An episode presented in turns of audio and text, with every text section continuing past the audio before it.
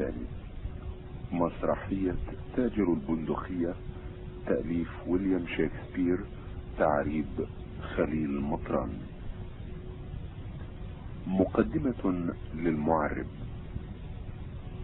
أصل هذه القصة أحدوثة وما أصغرها من أحدوثة. جرت على الألسنة في إيطاليا وتداولتها نقلا عنها سائر الأمم. محصلها أن فتاة ذات مال وافر وجمال باهر وعقل كالكوكب الزاهر كان قد مات عنها أبواها فخطبها إلى نفسها ملك مراكش وأمير أراغون في جملة النبهاء ممن خطبها.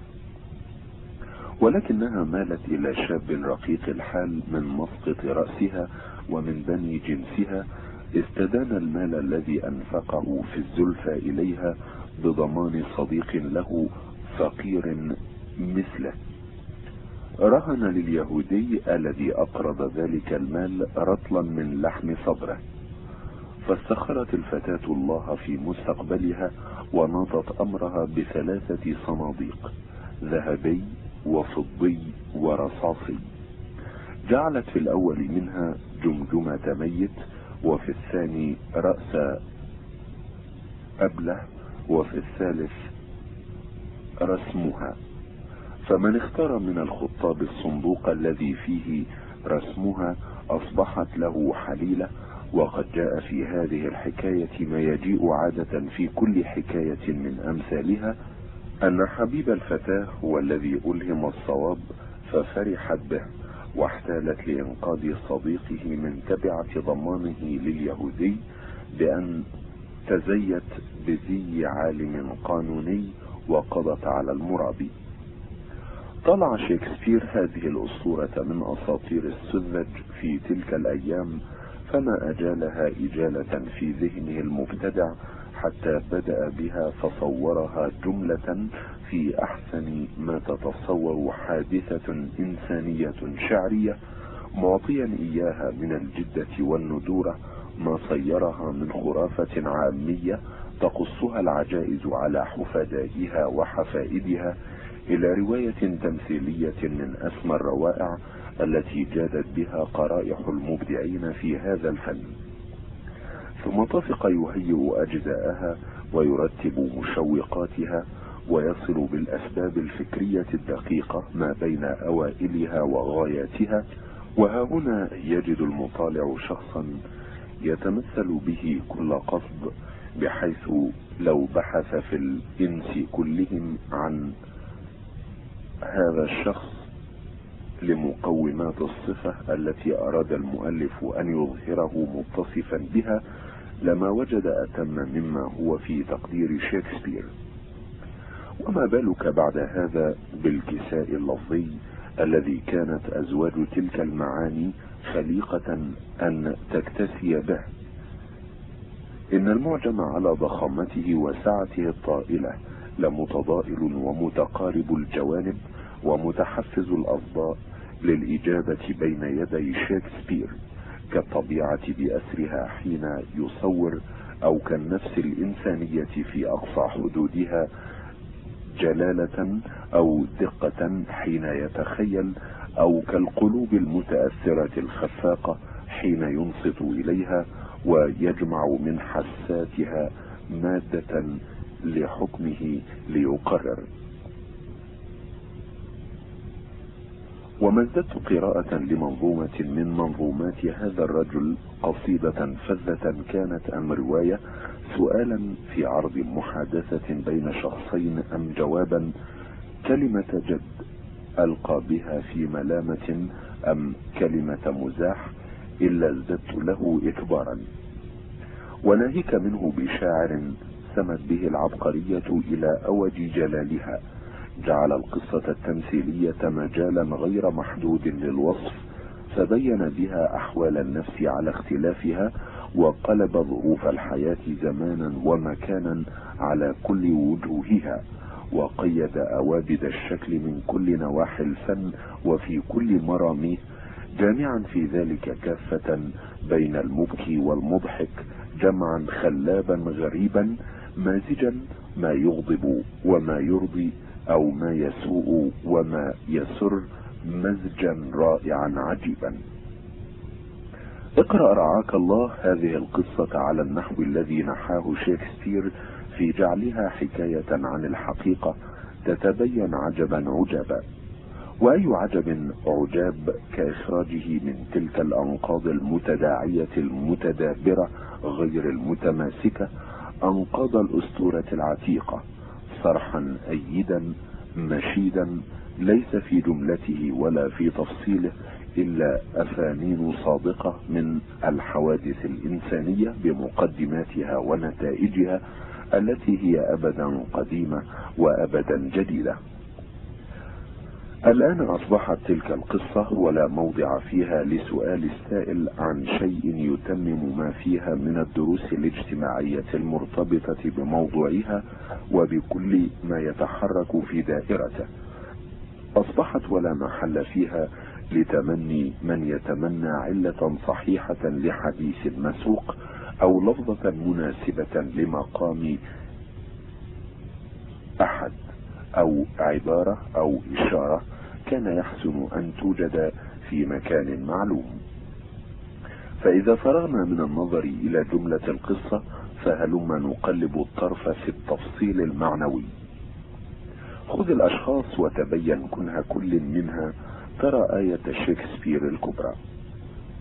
آية تعمقه إلى كنه الإنسانية في كل حي من أحيائها على اختلاف البيئات وتعدد المناشئ والصفات وتنوع المعايش والمكروهات والمشتهيات.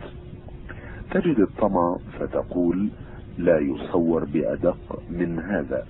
تجد الجبن فتقول لو تمثل رجلا لكان هذا. تلمح الحقد فتقول كأنني بفلان وفلان وفلان وقد كشف كل عن جزء من الحقد الذي في قلبه. فاجتمع من الثلاثة الأجزاء هذا النوع التام من الحقد بل النوع الأتم. وهكذا الحكم في كل ما تصدى شكسبير لإظهاره بمظهره البشري. إذا بلغ الوفاء من الصديق للصديق أسمى مبالغه التي شاهدناها أو جاءنا بسيرها التاريخ من عهد أرسطاطاليس الذي يؤثر عنه تحديد أرقى معنى في معاني الوداد فهل يزيد شيئا على ما جعله شكسبير في نفس أنطونيو من معجزة الوفاء وأجراه على لسانه من بديعها؟ إليك ما يقوله حين يستعين به صاحبه على اقتراض المال الذي به يقترب إلى مالكة لبه ويتوصل إلى مطمح نظره ومطمع قلبه. يقول أنطونيو ما كان أغناك على علمك بي عن إضاعة الوقت في الاحتيال للاستعانة بمودتي؟ إنك بارتيابك في خلوصي لك لتسوءني أكثر مما لو أضعت علي ثروتي بأسرها.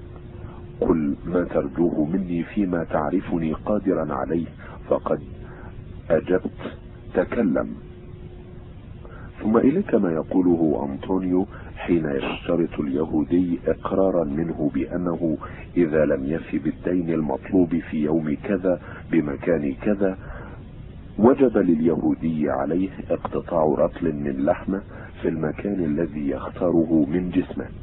فقد كان أول جوابه هذه الكلمات التي هي من أكبر ما قيل في التفدية للصديق بالنفس والنفيس. أوافق بارتياح على هذا الشرط. ثم إليك ما يقوله أنطونيو مودعا وقد وقف من الموت قيد خطوة وبقي له من العمر فسحة دقيقة أو ثانية لا يحسب لها ثانية ويموت عندئذ من أجل صديقه أبشع الميتات وأشدها إيلاما للتصور. فضلا عن الجثمان الحي سامعا ورائيا شحذ المدية على نعل اليهودي الذي يتأهب لقتله وقال أنطونيو شيء غير كثير أنا متأهب وصابر. هات يدك يا باسانيو وتلقى وداعي.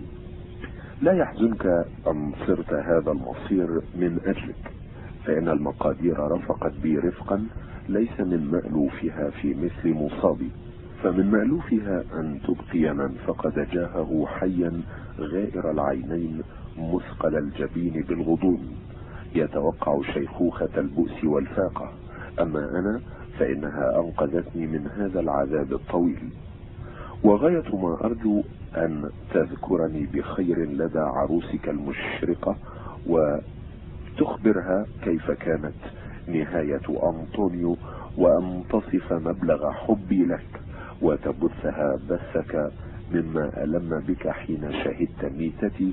فإذا فرغت من ذلك أن تسألها ألم يكن لي صديق؟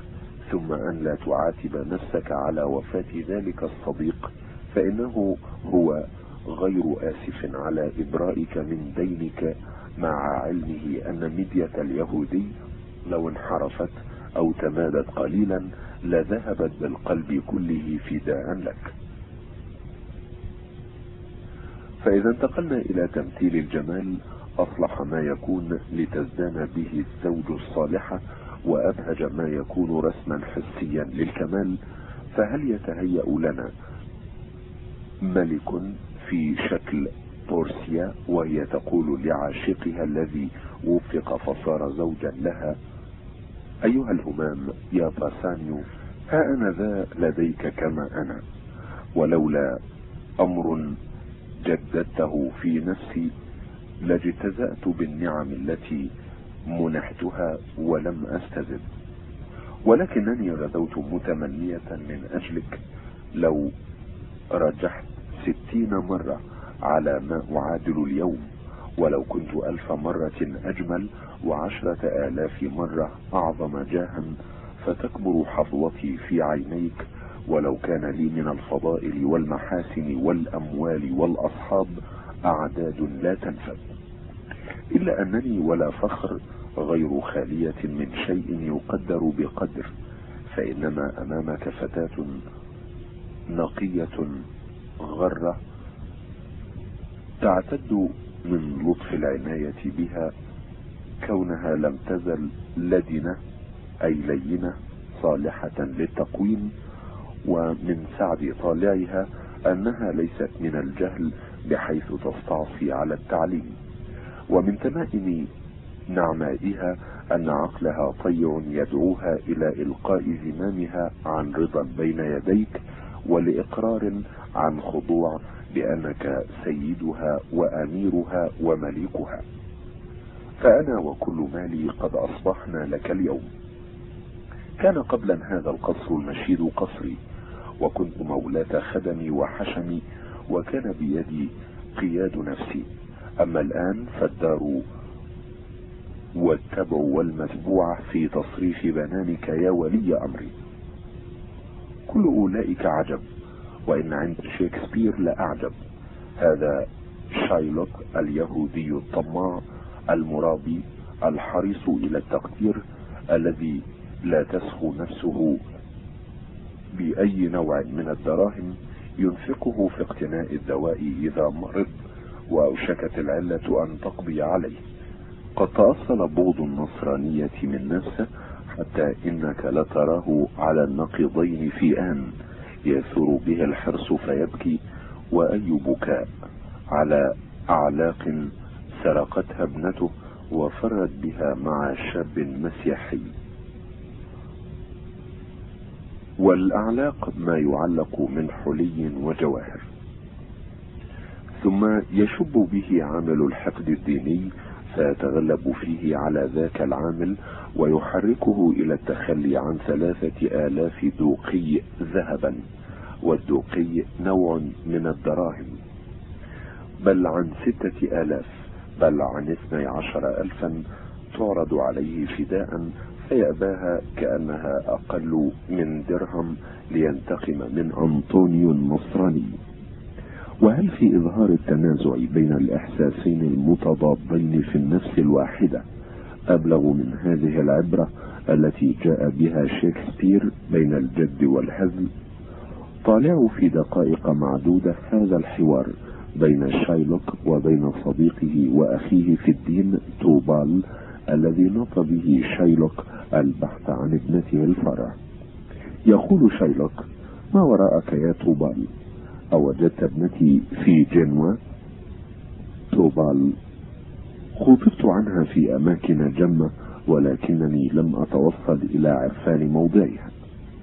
قال شيلوك يا للخسران اختلست مني الماصة بيعت علي في فرانكفورت بألفي دوقي. الآن قد طفقت اللعنة تحل على أمتنا حلولا لم أشعر به من قبل. ألف دوقي فقدتها عدا عدا مصوغات أخر غالية وأي غلاء. من لي بابنتي ميتة عند قدومي والألماستان في أذنيها؟ من لي بها ممدودة هنا أمامي على وشك أن تحمل في نعش وتحمل معها الدوقيات.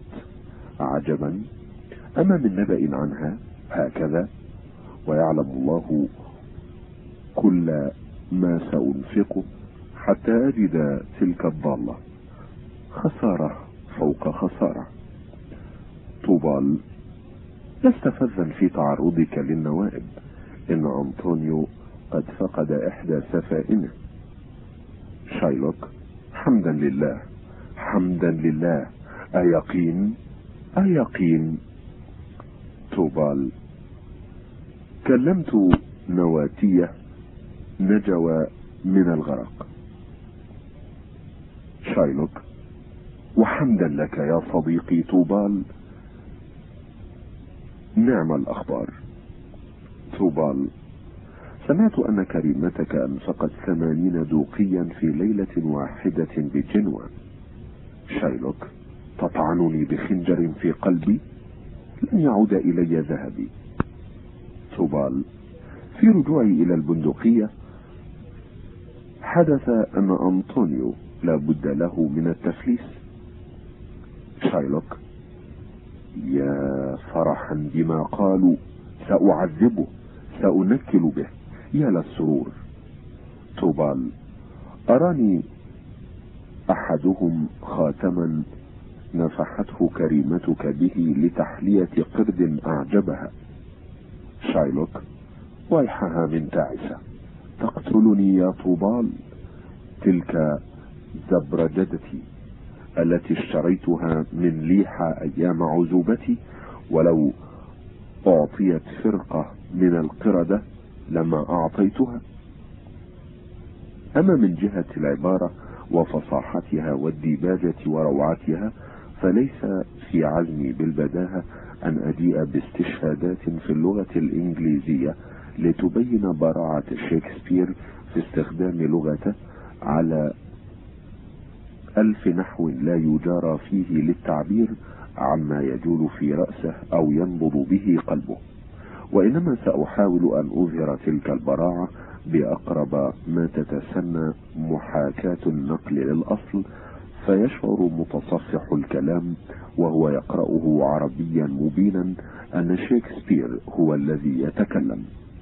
خذ مثلا من أمثال تتجدد في كل صفحة وتتعدد في كل مقام. كلام بيرسيا وهي متنكرة في ذي قاض تصف الرحمة لتستعطف الإسرائيلية شايلوك. أقيل في الرحمة أصفح. وأجل من كلامها؟ تقول بيرسيا جمال الرحمة أن تكون خيارا لا اضطرارا فهي كماء السماء ينهمل بالخير ويقتل باليمن عفوا ممن وهب وبركة لمن كسب فإذا كانت الرحمة عفوا صادرا عن مقدرة فهنالك بهاء قدرتها وازدهاء جلالها. أما تراها إذا تحلى بها الملك القائم كانت لهامته أزين من التاج وفي يده أقوى من صولجان الأمر والنهي وكان عرشها المنصوص في قلبه أعظم تمكينا له من عرشه الذي يستوي عليه لأنها من صفات الله عز وجل.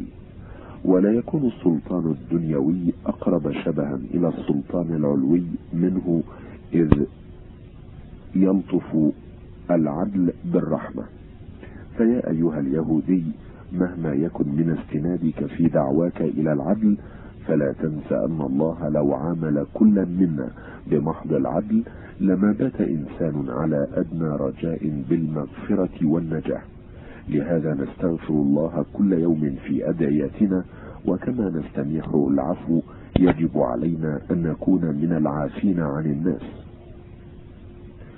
وإذا كنت قد آثرت موضوعا جليلا للاستشهاد به هنا فلا يؤخذن من ذلك أن كل لفظة جعلها شكسبير حتى في نطق أحقر أشخاصه وأقلهم شأنا. ليست هي اللفظة التي تتعين دون سواها لأداء غرض مقوم بها كما هي طريقته في الأداء التمثيلي مئة ضعف. على اعتبار أنه إنما يخاطب بها العالمين لا فئة من الناس دون الأخرى. عند هذا الحد أقف في وصف هذه الرواية والتنبيه على شيء من مزاياها وسيرى المطالع بنفسه من حسناتها في كل فقرة وفي رمز ما تأخذه الدهشة لديه ويخالط عجبه منه الإعجاب به. إن الغرر في روايات شكسبير ثمان على ما أعتقد وهذه إحداهن. عربتهن جميعا وسأوالي تمثيلهن بالطبع إذ هن لكل لغة حاجة وزينة فما بالك باللغة العربية؟ وهي مجتمع أبحر البيان وملتقى كل حسن أدبي وأحسن. خليل مطران. أشخاص الرواية. دوج البندقية الأمير المراكشي أمير أراغون أنطونيو تاجر البندقية باسانيو صديقه سالانيو سالارينو جراتيانو أحباب لأنطونيو ولباسانيو لورينزو عاشق لجيسيكا شايلوك يهودي. توبال يهودي صديق لشايلوك لينسلو جوبو مضحك في خدمة شايلوك جوبو الهرم والد لانسلو سالاريو رسول من البندقية ليوناردو خادم باسانيو بالتازار ستيفانو أجيران لبيرسيا بيرسيا وارثة ثرية نارسة تابعة لها جيسيكا بنت شايلوك أعيان من البندقية ضباط دار الحكم سجان خدم إلى آخره. تجري وقائع هذه الرواية تارة في البندقية وتارة في قصر بيرسيا بمدينة بلمنت. الفصل الأول. المشهد الأول منهج في البندقية. يدخل أنطونيو وسالارينو وسالانيو. أنطونيو أه حقا لا أعرف لماذا أنا حزين حزنا يتعبني ويشق عليكما فيما أرى. إني لا أسائل ضميري من أين أه جلبت أنا هذه الكآبة أو كيف وفدت هي علي أو في أي مكان صادفتني أو من أي أه غزل نسجت. أو تحت أية سماء ولدت فما أكاد أحير جوابا. بل أشعر أن بي بلاهة وأشك أن أتنكر على نفسي. سالارينو آه لا غرو أن يكون عقلك ضاربا في العباب متعقبا بين النواهض والعوافر من الأمواج. آثار مراكبك الضخام التي تتمخطر بسواريها البواسق فوق الغمر تخطر الغطاريف الذين لهم السيادة على البحر أو تحلق من عل فوق جماهير الصغار المتضائلات من سوقة السفن وعامة المنشآت فيحيينها بإجلال حين مرورها بهن سابحة وكأنها طائرة بأجنحتها الكتانية. سالانيو أيقن يا سيدي أنني لو خاطرت بمالي مثل مخاطرتك لا درجة أهوائي تتعقب آمالي في تلك الآفاق البعيدة أو لما وجدني من نشدني إلا عاكفا على فريعات الأعشاب أستخبرها عن مهاب الرياح أو مكبا على صور الأرض أبحث عن المرافق والأرصفة والموانئ فأيما شيء تبينت منه أدنى بأس على أوساقي مت له جزعا.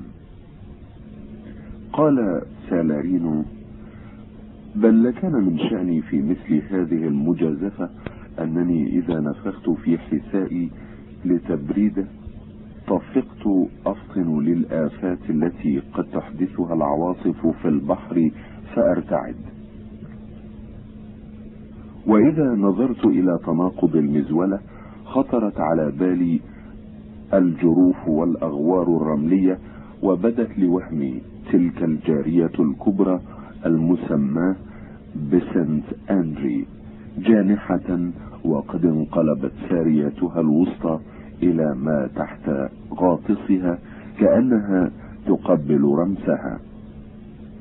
وإذا يممت الكنيسة فلاحت لي مبانيها الحجرية الممردة ذكرت من فوري تلك الصخور الصماء التي إن مست جانبا من جوانب فلكي ارتطم بها وألقى بما يحمله على وجه المحيط فانبثت البقول فوق الحباب وانتشر الحرير على مناكب الأمواج الهدارة وانتقلت أنا في عقبها من ملابسة الثراء إلى ملابسة الثرى أفي وسع إنسان أن يرى مني تلك الحالة فلا يفهم أن ما يشغل بالي إنما هو هذا الشاغل؟ قولوا ما تشاءون أما أنا فلا أحمل هم أنطونيو إلا على محمل تفكيره في مشحونته. أنطونيو؟ لا وصدقني ليست لحسن طالعي كل بضائعي في موسق واحد. ولا هي موجهة إلى مكان واحد فتكون عرضة للأخطار. بل أزيد كما أنني لم أقامر بكل ثروتي في مضاربات هذه السنة فكآبتي ليست من جانب مشحونتي سالانيو إذا أنت عاشق. أنطونيو لا ولا. سالانيو فإن لم تكن عاشقا لم يبق لنا أن نقول إلا أنك كارح لأنك غير فرح. كما أنك بالقياس على هذا لو كنت مبتهجا لجاز لك أن تضحك وترقص وتجهر بأنك مسرور لأنك لست بمحزون. حلفت بيانوس ذي الوجهين أن الطبيعة تخلق في بعض ما تخلق أناسا مستغربين. فئة لا تني عيونهم متيقظة على كونهم كالببغاوات يضحكون لأول نافخ في مزمار يسمعهم لحنا ما. وفئة آخرون لا يفتؤون مقطبين جباههم إذا طرقت آذانهم نكتة من المستظرفات التي تضحك الحليم ولو أنه نستور الحكيم لم تنفتق لها شفاههم المضمومة عن أدنى ابتسام يدخل باسانيو ولورينزو وجراتيانو سالانيو هذا باسانيو قريبك الشريف قادما يصحبه جراتيانو ولورينزو. سالانيو هذا باسانيو قريبك الشريف. نستودعك الله وندعك برفقة أحسن محضرا منا. ساليرينو لو لم يجئ من هو خير مني لأقمت حتى أزيل كآبتك أنطونيو ما أشد اعتدادي بمودتك؟ لكن شؤونك تدعوك وأنت تنتهز الفرصة للانصراف إليها. سالارينو نعمتم صباحا يا سادة. باسانيو أيها السادة متى نستأنف مباسطتنا؟ قولوا متى. لقد أطلتم هجرنا فإلى ما هذا الجفاء.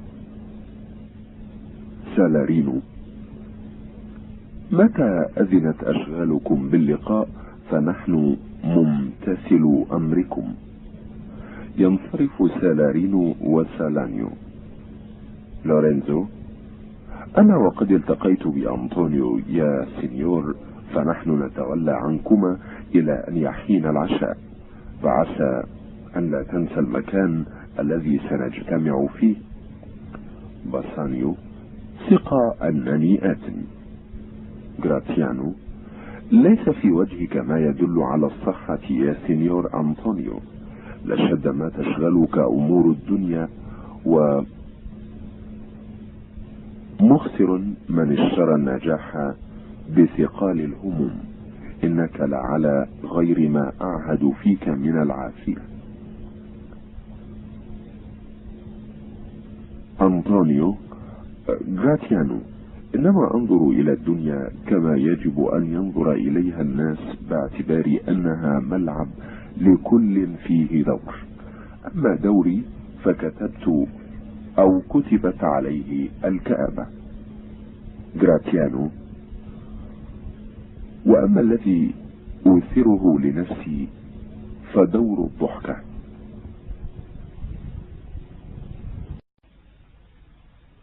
جراتيانو انما أنظر إلى الدنيا كما يجب أن ينظر إليها الناس باعتبار أنها ملعب لكل فيه دور أما دوري فكتبت أو كتبت عليه الكآبة جراتيانو وأما الذي أوثره لنفسي فدور الضحكة. لأن علتني غضون الشيخوخة فلا علتني إلا بين السرور واللهو. وخير لي أن ترمض الخمرة كبدي أي تفسدها من أن تبدد الأشجان انفاسي تصويبا وتصيدا على ما يرضى الإنسان إذ الدم لا يزال حارا في عروقه أن يتشبه بالمرمر المصنوع منه تمثال جده فلا ينام إلا مستيقظا ولا يستفيد من تدفق الكآبة الصفراء على قلبه سوى داء اليرقان.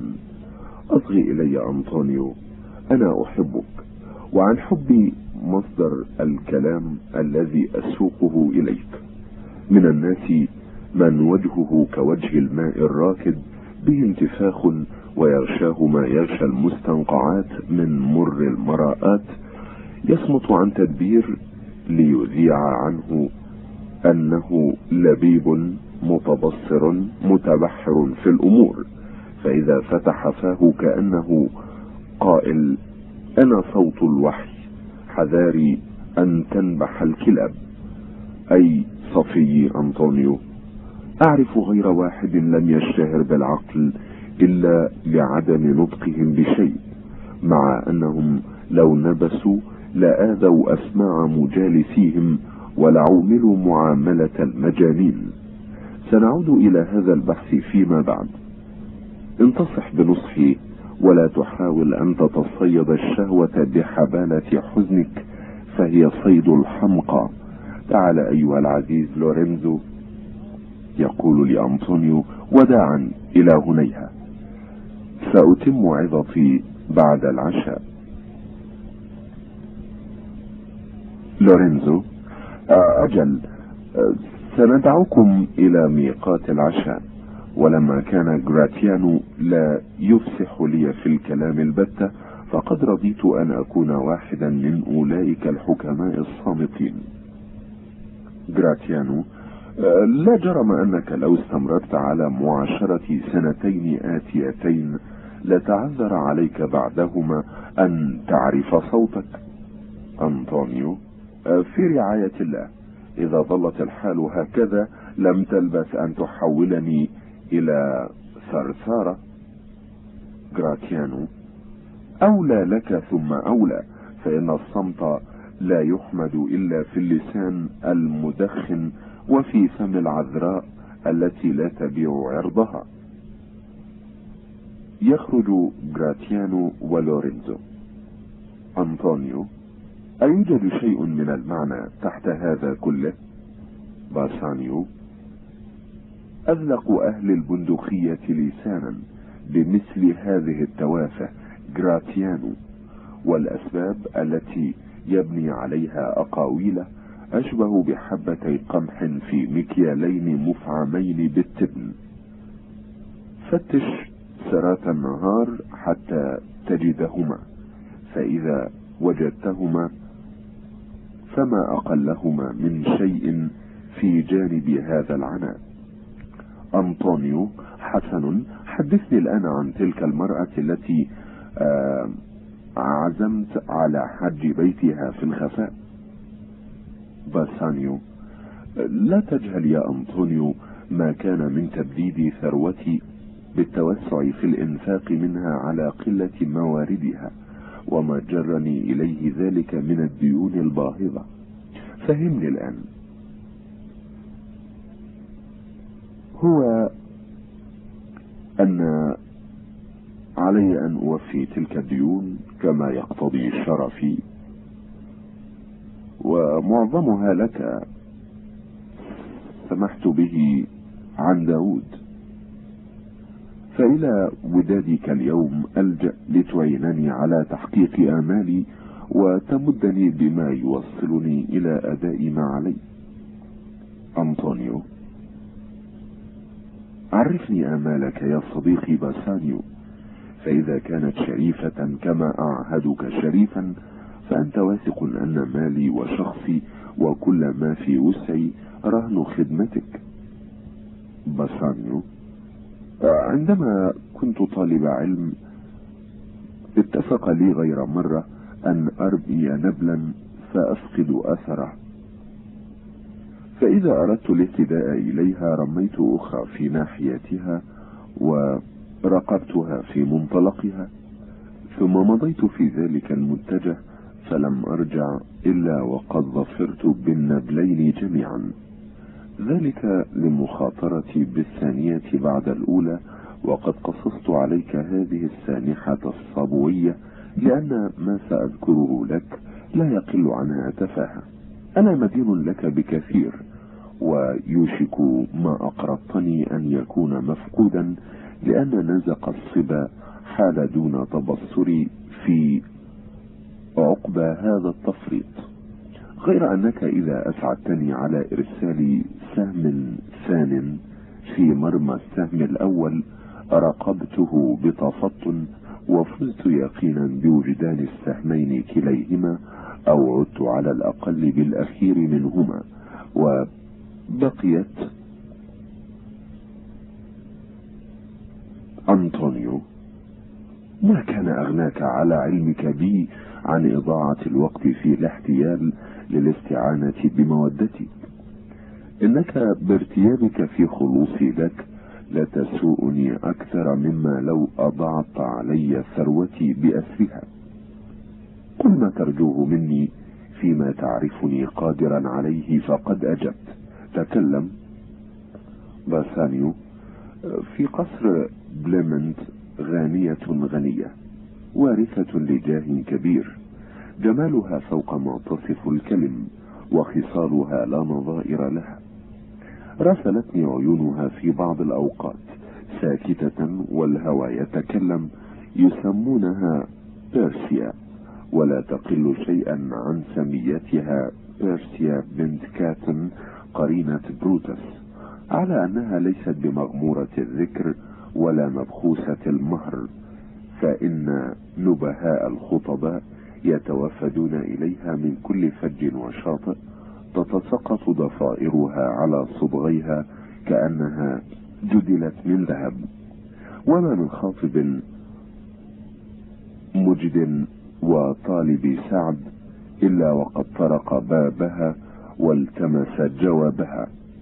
فيا صديقي أنطونيو لو تأثر لي أن أتقدم بين المتقدمين في هذه المناظرة فإن وحيا نجيا يسر إلى قلبي أنني سأدرك قصب السبق. أنطونيو أه، تعلم أن ثروتي جميعها تحت رحمة المحيط وأنه لا يتسنى لي أن أجمع الآن من مالي مقدارا جديرا بالذكر. تذهب إلى البندقية واصبر ما تقدر على استدانته بضماني. فأيا كان الشيء يبلغك مرامك. لم يعز علي بذله. ابحث في كل مظنة للنقود وسأبحث أنا كذلك. ولعل ما للناس بي من الثقة أو ما لي عندهم من الكرامة يقضيان أربك. يخرجان. المشهد الثاني. كليمنت قسم من قصر بيرسيا. تدخل بيرسيا ونيرسيا. بيرسيا. آه، حقا يا نيرسيا إن جسمي الصغير لتعب من هذا العالم الكبير. نيرسيا ما كان أحراك بهذا التعب لو أن ما عندك من اليسر؟ أبدل بعسر غير أنني قد تبينت أن الإنسان يشقيه فرط الغنى كما يشقيه جهد الفقر. وإن السعد عين السعد في الحالة الوسطى فإن مع الترف وشك المشيب ومع الشظف إمهال الأجل. بيرسيا نعمة الحكمة. وحبذا مجراها على لسانك. نافسيا لخير أن يعمل بها من أن تقال. بيرسيا لو كان العمل بالأصلح سهلا كالعلم به لا أغنت البيع الصغرى عن الكنائس الكبرى ولا كانت أكنان الفقراء هي القصور الآهلات. أفضل الواعظين هو ذلك الذي يتعظ بنفس أقواله. قد يهون علي تعليم عشرين سامعا أكثر مما يهون علي لو كنت أحدهم أن أنتصح بنفس نصائحي. العقل يسن القوانين للحواس ولكن حرارة الطباع تدوس تلك الروابط الباردة. ما أشبه جنون الشباب بالأرنب الوثاب. وما أشبه العقل بالشرك الضعيف أفلت منه ذلك الأرنب فمضى لغير مآب. على أن هذا القياس لا ينفعني أدنى نفع في اختيار زوج لي. كيف أذكر الاختيار وما بوسعي انتقاء من يعجبني ولا رد من لا أحب؟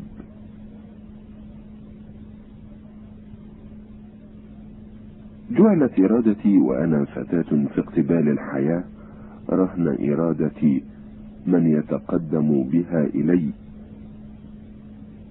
وهو والد هو الآن ميت. أليس شقا على النفس يا نيرسيا أن تكون الفتاة غير قادرة على قبول من تود أو على رفض من لا تود؟ نيرسيا كان أبوك امرأة خير. والأبرار يلهمون الخير قبل وفاتهم. فاعتقدي أن الاقتراع الذي ناطه بهذه الصناديق الثلاثة الذهبي والفضي والرصاصي وجعلك حليلة لمن يجيء اختياره وفق مراده لن يجيئك منه إلا بعل جدير بحبك. على أن الخطاب الذين تقدموا إلى الآن كثيرا أفما تقولين لي أيهم أكبر حظوة في عينيك؟ بيرسيا أعيدي علي إن شئت أسماءهم أصفهم ومن الوصف تعلمي منازلهم من رأيي. ميرسيا أولهم الأمير النابولي. بيرسيا هذا حيوان لا شك فيه يتكلم بلا انقطاع عن جواده ويتباهى بأنه ينعل الدابة بيده ويتقن حتى لا أخشى أن تكون أمه قد عثرت عثرة بين يدي أحد البياطرة. ناسية يليه الكنز البالاتي. ناسية هذا رجل سحنته متشبعة من حسن ظنه بنفسه كأنه يخيرك. أترضين بي أم لا ترضين؟ أبيني يسمع أظرف السير بلا تبسم وأخاف لشدة كآبته في شبابه أنه إذا بلغ أخريات أيامه عاش عيشة الفيلسوف الباكي. لأوثر على الواحد من هذين أن أقترن برأس ميت في فمه قطعة من العظم. نيرسيا كيف تقولين في الشريف الفرنسي المسيو ليبون؟ بيرسيا هكذا خلقه الله ولا اعتراض لي على وجود مثله بين الرجال. أعرف أن سخرية المرء من أخيه خطيئة لكن ذلك الرجل أكرم حصانا من النابولي. وأقبح عبوسة من الكنت البالاتي. هو كل شيء ولكن لا شيء. إذا تغنى الشحرور ترقص له. وإذا لقي ظلة بارزه. فاقتراني به إنما هو اقتران بعشرين زوجا. ولو احتقرني لغفرت له. إذ لو أحبني إلى الجنون لما أصاب مني سوى الاحتقار ناسيا إذا ما فكرك في فلك بريدج البارون الإنجليزي؟ بيرسيا تعلمين أنني لم أخاطبه إنه ناعم الأظافر لا يفهم كلامي كما أنني لا أفهم كلامه. هو يجهل اللاتينية والفرنسية والإيطالية وأنا أجهل الإنجليزية. إلا كلمتين لا تقوم معهما الشهادة لدى القضاء بأنني أحسن هذه اللغة. به جمال ولكنه كجمال الصور. وإن لي أن أتمتع بحديث مع صورة. ملبسه غير مألوف وأظن أنه اشترى صداره من إيطاليا وسراويلاته القصيرة من فرنسا وقبعته من ألمانيا واتخذ عاداته من مختلف الأقاليم. نيرسيا وما قولك في جاره الإسكتلندي؟ بيرسيا.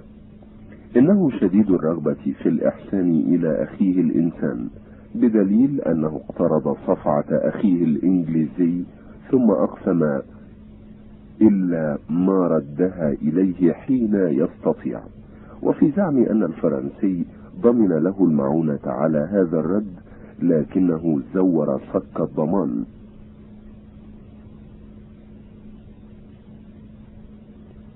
ناسيا ما حكمك في اليافع الألماني ابن أخي دوق ساكس؟ بيرسيا بغيض قبل الصبوح. وأبغض منه بعد الغبوق. يوشك في أحسن أوقاته أن يكون رجلا وفي أقبح أوقاته لا يفوق الحيوان الأعجم إلا بشيء يسير. والخيرة لي مع ترجيح السيئات على الحسنات أن أستغني عنه. ناسيا لو أنه اقترع في المقترعين وأصاب الصندوق الرابح أفتأبينه لك بعلا فتخالفي إرادة والدك؟ بيرسيا ضعي كأسا كبيرة من خمر الراين على الصندوق المقابل لذاك يترمى إليها لا محالة ويؤخذ بهذه الحيلة وإلا آثرت كل مصير أصير إليه في الدنيا على التزوج من إسفنجة نارسيا لا تخشي يا سيدتي أحدا من هؤلاء. فقد علمت بعزمهم على العود إلى ديارهم وعدولهم عن الطموح إليك إلا إذا وجد موفق منهم وسيلة لاكتسابك غير القرعة التي أوصى أبوك بها. بيرسيا لو عشت أطعم في السن من السيبيل لمت أطهر في ملمس عفتي من ضيانا. ولم أتزوج إلا على الطريقة التي اختارها أبي. أنا مسرورة بما عند هؤلاء الخطاب من سرعة الإدراك ممتنة لغيابهم جميعا داعية ربي لتوفيقهم في السفر.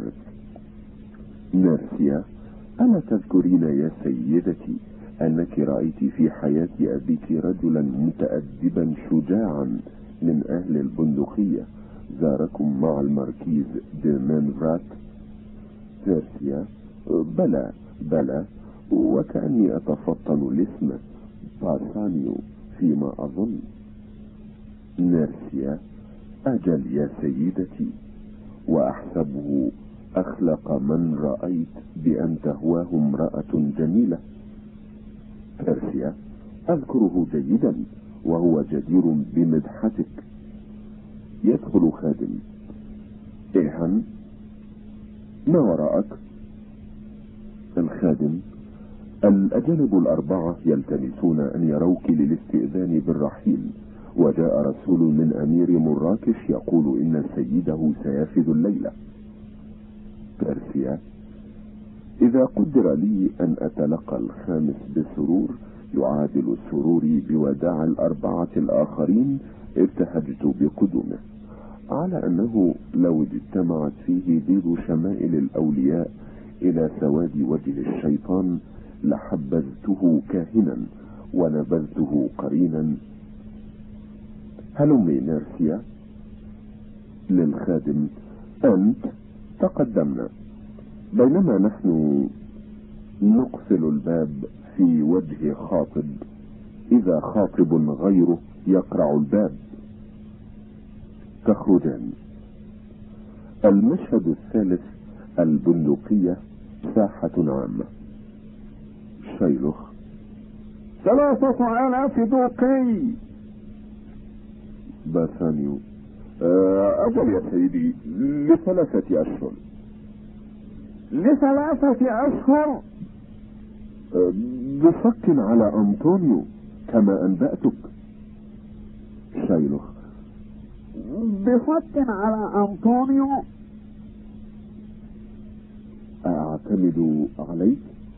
أتسعفني ما جوابك؟ ثلاثة آلاف دوقي لثلاثة أشهر بفك على أنطونيو. ما قولك في هذا؟ أنطونيو كفء لهذا القدر. عندك ريب؟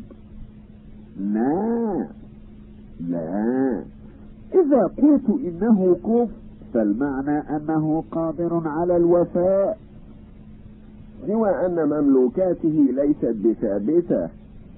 له سفينة في طريق طرابلس وثانية في طريق الهند وسمعت عن ثالثة تيمم المكسيك ورابعة تنحو نحو انجلترا وعن سفين أخر متوزعة في آفاق اخر غير أن المراكب ليست إلا خشبا والملاحين ليسوا إلا اناسا. دع أخطار الأمواج والأرياح والصخور إلا أن الرجل كفء للوفاء. ثلاثة آلاف دوقي. أظن أنني أستطيع قبول صكه. تستطيع ولا شك. فانظر فيما إذا كنت قادرا وأفكر في الأمر قبل البث فيه. أيتسنى لي أن أكلم أنطونيو؟ إن أحببت تناول العشاء معنا. نعم. لت... لتشتم مني ريح الخنزير وليدخل في جوفي ذلك الحيوان الذي دعا عليه نبيكم الناصري فأسكن فيه الشيطان حبا لكم. إن تكن بيني وبينكم مبايعة أو مشاراة أو محادثة أو مماشاة إلى آخره. أما المؤاكلة والمشاربة والمشاركة في الصلاة فلا. ما أخبار التجارة؟ من القادم؟ يدخل أنطونيو. باسانيو آه السنيور أنطونيو. ها؟ ما ما أظهر الرفض على وجهه المرائي بالتقوى؟ أبغضه لأنه نصراني وخصوصا لأنه جاهل أبلة. يقرض المال بلا ربح ويسقط قيمة النقد في البندقية. لئن أخذت بتلابيبه يومين لقد شفيت حزازاتي القديمة منه هو يبغض أمتنا المقدسة ويسخر. من معاملاتي ومني ومن أرباحي المحللة التي ينعتها بالربوية. لعنت عشيرتي إن كنت غافرا له هذه الذنوب. أسمعت ما أقول؟ كنت أحسب ما بين يدي من النقود. كنت أحسبها. ويخيل إلي إن صدقت ذاكرتي أنني لا أستطيع في الحال تجهيز ثلاثة آلاف توقي كاملة. بل يخطر لي أن طوبال وهو من أغنياء قومي يجيبني إلى ما أطلب لكن مهلا إلى أي أدب؟ مخاطبا أنطونيو. عن صباحا يا سيدي كنا في ذكراك. أنطونيو شايلوك إنني على كوني لا أقرض ولا أقترض بربح. أجدني مضطرا إلى مخالفة مألوفي قضاء لحاجة صديقي. إلى باسانيو أيعلم المقدار الذي تطلبه؟ نعم نعم ثلاثة آلاف دوقي. لثلاثة أشهر؟ كنت قد نسيت لثلاثة أشهر كما قلت آنفا بصك منك. لننظر قليلا. لكن أما سمعت أنك لا تأخذ ولا تعطي بالفائدة؟ بلى والحق ما سمعت. عندما كان يعقوب يرعى سائمة عمه لابان ويعقوب هذا بفضل أمه الحكيمة هو الثالث من نسل سيدنا إبراهيم. على ما تستشهد به. أفتزعم أنه كان يقرض بالربا؟ لا لم يكن مقرضا بالربا. لم يكن ذلك ما يفعله بحصر المعنى. وإنما كان المتفق عليه بينه وبين لابان أن كل الخراف التي تنتج تجعل أجرا ليعقوب. فلما كان آخر الخريف وحالة النعاد التمست ذكورها.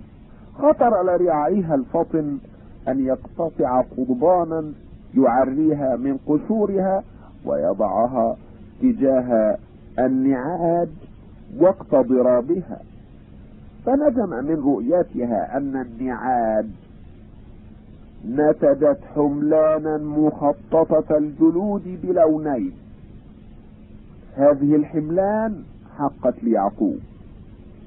هذه وسيلة من وسائل الكسب بارك الله ليعقوب فيها.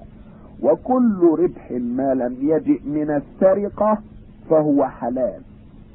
كان يعقوب يخدم على كراء لا يسعه استزادته. ولا الانتقاص منه إلا ما يشاء الله ولا يستطيعه أحد سواه. أفتعد هذا مثلا مبيحا للربا؟ وهل ذهبك وفضتك نعاد وكباش؟ ما أدري ولكنني أستنتجها بمثل تلك السرعة. تنبه لهذا يا سيدي. وأنت يا باسانيو تفطن إن الشيطان يستطيع الاستشهاد بالتوراة لتصويب أعماله.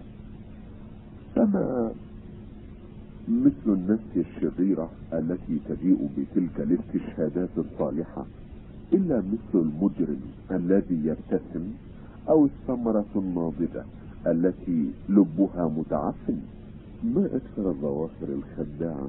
التي تشبه الرذيلة بالفضيلة. مهما تكن أفتقضي حاجتنا؟ ثلاثة آلاف دوقي مقدار كبير. ثلاثة آلاف في اثني عشر. لننظر ما تكون فائدتها.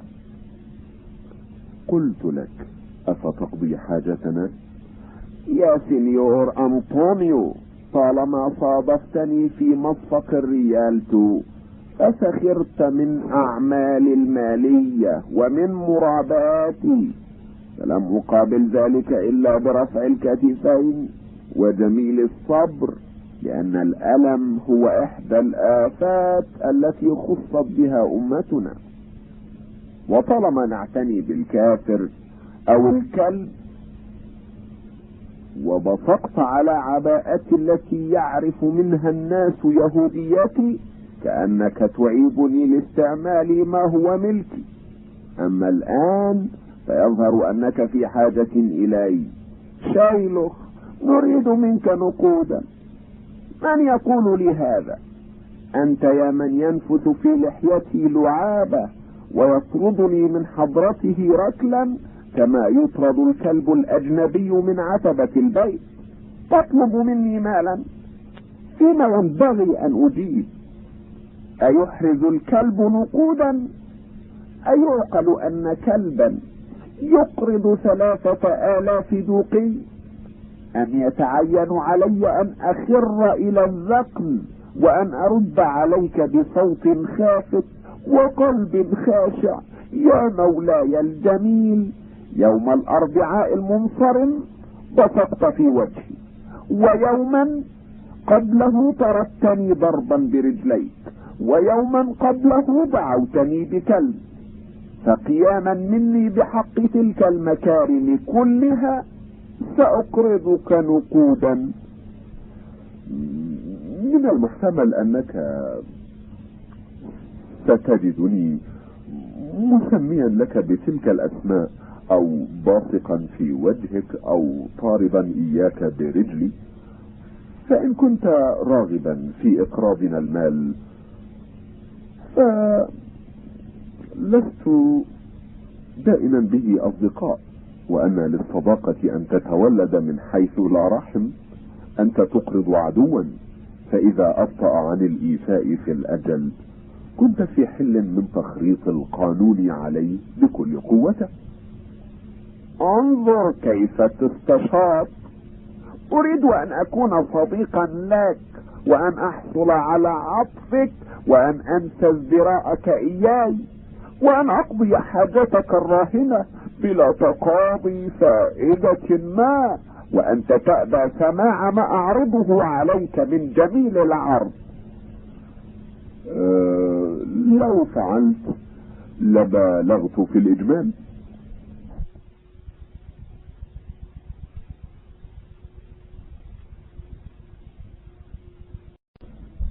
أه لو فعلت لبالغت في الإجمال.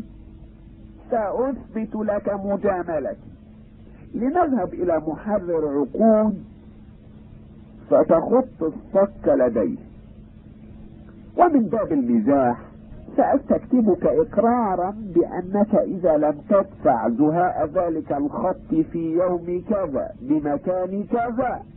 توجب لي عليك اقتطاع لبرة من لحمك في المكان الذي أختاره من جسمك. أوافق بارتياح على هذا الاقتراح. وسأوقع على الصك محررا بهذا النص شاكرا لك هذه المجاملة اليهودية. باسانيو لن تخط خطا كهذا لأجلي أبدا. أنطونيو أه لا تخشى بأسا يا صفي. سأقوم بعهدي. فبعد شهرين أي قبل الأجل بشهر تردني أوساق بثلاثة أضعاف هذا القدر. يا أبانا أبراهام هؤلاء النصارى عجب أمرهم. ساءت فعالهم فقبحت بالناس ظنونهم. أنت مخبري ماذا أكسب من إنفاذ هذا الشرط؟ إذا لم يفي المدين بما عليه الرطل من لحم رجل أقل قيمة من رطل الضأن أو البقر أو الماعز.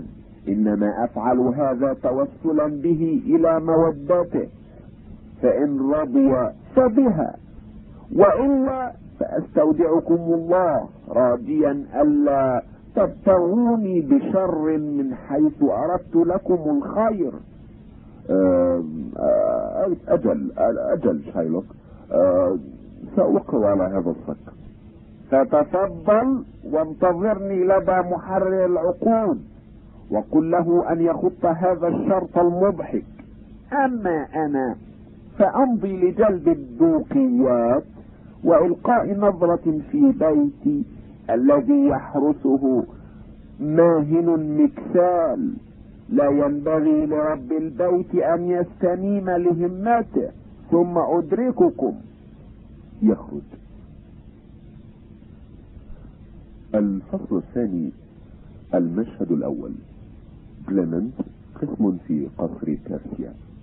يدخل أمير مراكش مع أتباعه وبيرسيا مع أتباعها ونيرسيا معازف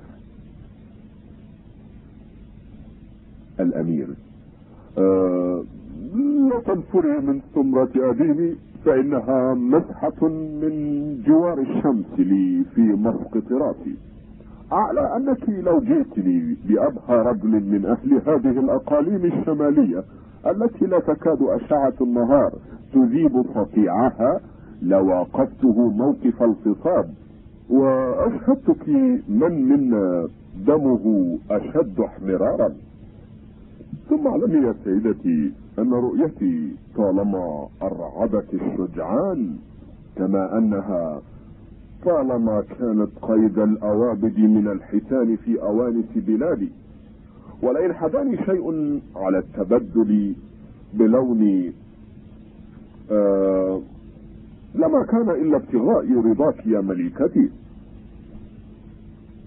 بيرسيا آه لن أجعل إيثاري قائما على ما تشهد به عيناي وأنا في عهد طفولتي واغتراري بل أنا تابعة لحكم القرعة دون اختياري. ولولا أني مقيدة بهذا القيد إنما جعلت به زوجا للموفق في فطنته. لما كان بين الخطاب الذين رأيتهم واحد أولى منك بعطفي. هذا كثير. وأشكره لك. ثم أستزيدك جميلا. إن تدليني على موضع تلك الصناديق فأتبين بختي.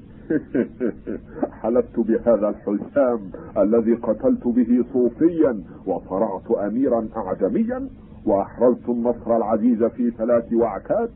جرت بيني وبين السلطان سليمان لو اقتضاني غرامي أن أرد كل سامي الطرف ناكس البصر أو أن أكافح كل قرم عنيد قهار شديد. بل لو سامني انتزاع رضيع الوحش الضاري عن ضرع أمه أو مناوئة الضيغم الحصور وقد استفزه القرن. لفعلت طمعا في الظفر بك ولكنه وحربا. أمر منوط بالمقادير. فالمقادير ربما سددت سهم الضعيف وأطاشت سهم القدير. وربما أدنت حظ الآجر وأعلت حظ الأجير. فها هنا مجال المكره للبطل. وإني لاخشى أن أخفق حيث يفوز من هو دوني. فأموت بشجوني. امامك اثنان لا ثالث لهما إما أن تعدل وإما أن تصيب ما يقضي به لك الصندوق الذي تعينه. هذا بعد أن تقسم على أنك إن أخفقت لن تتخذ لك زوجا بقية عمرك. تفكر ثم تتخير.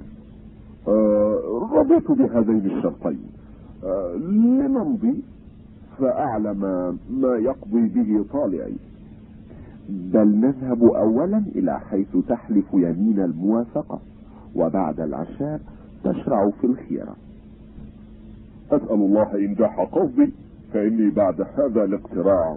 إما أسعد الخلق وإما اتعسهم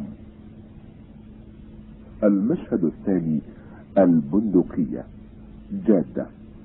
يدخل لانسلو وجوبو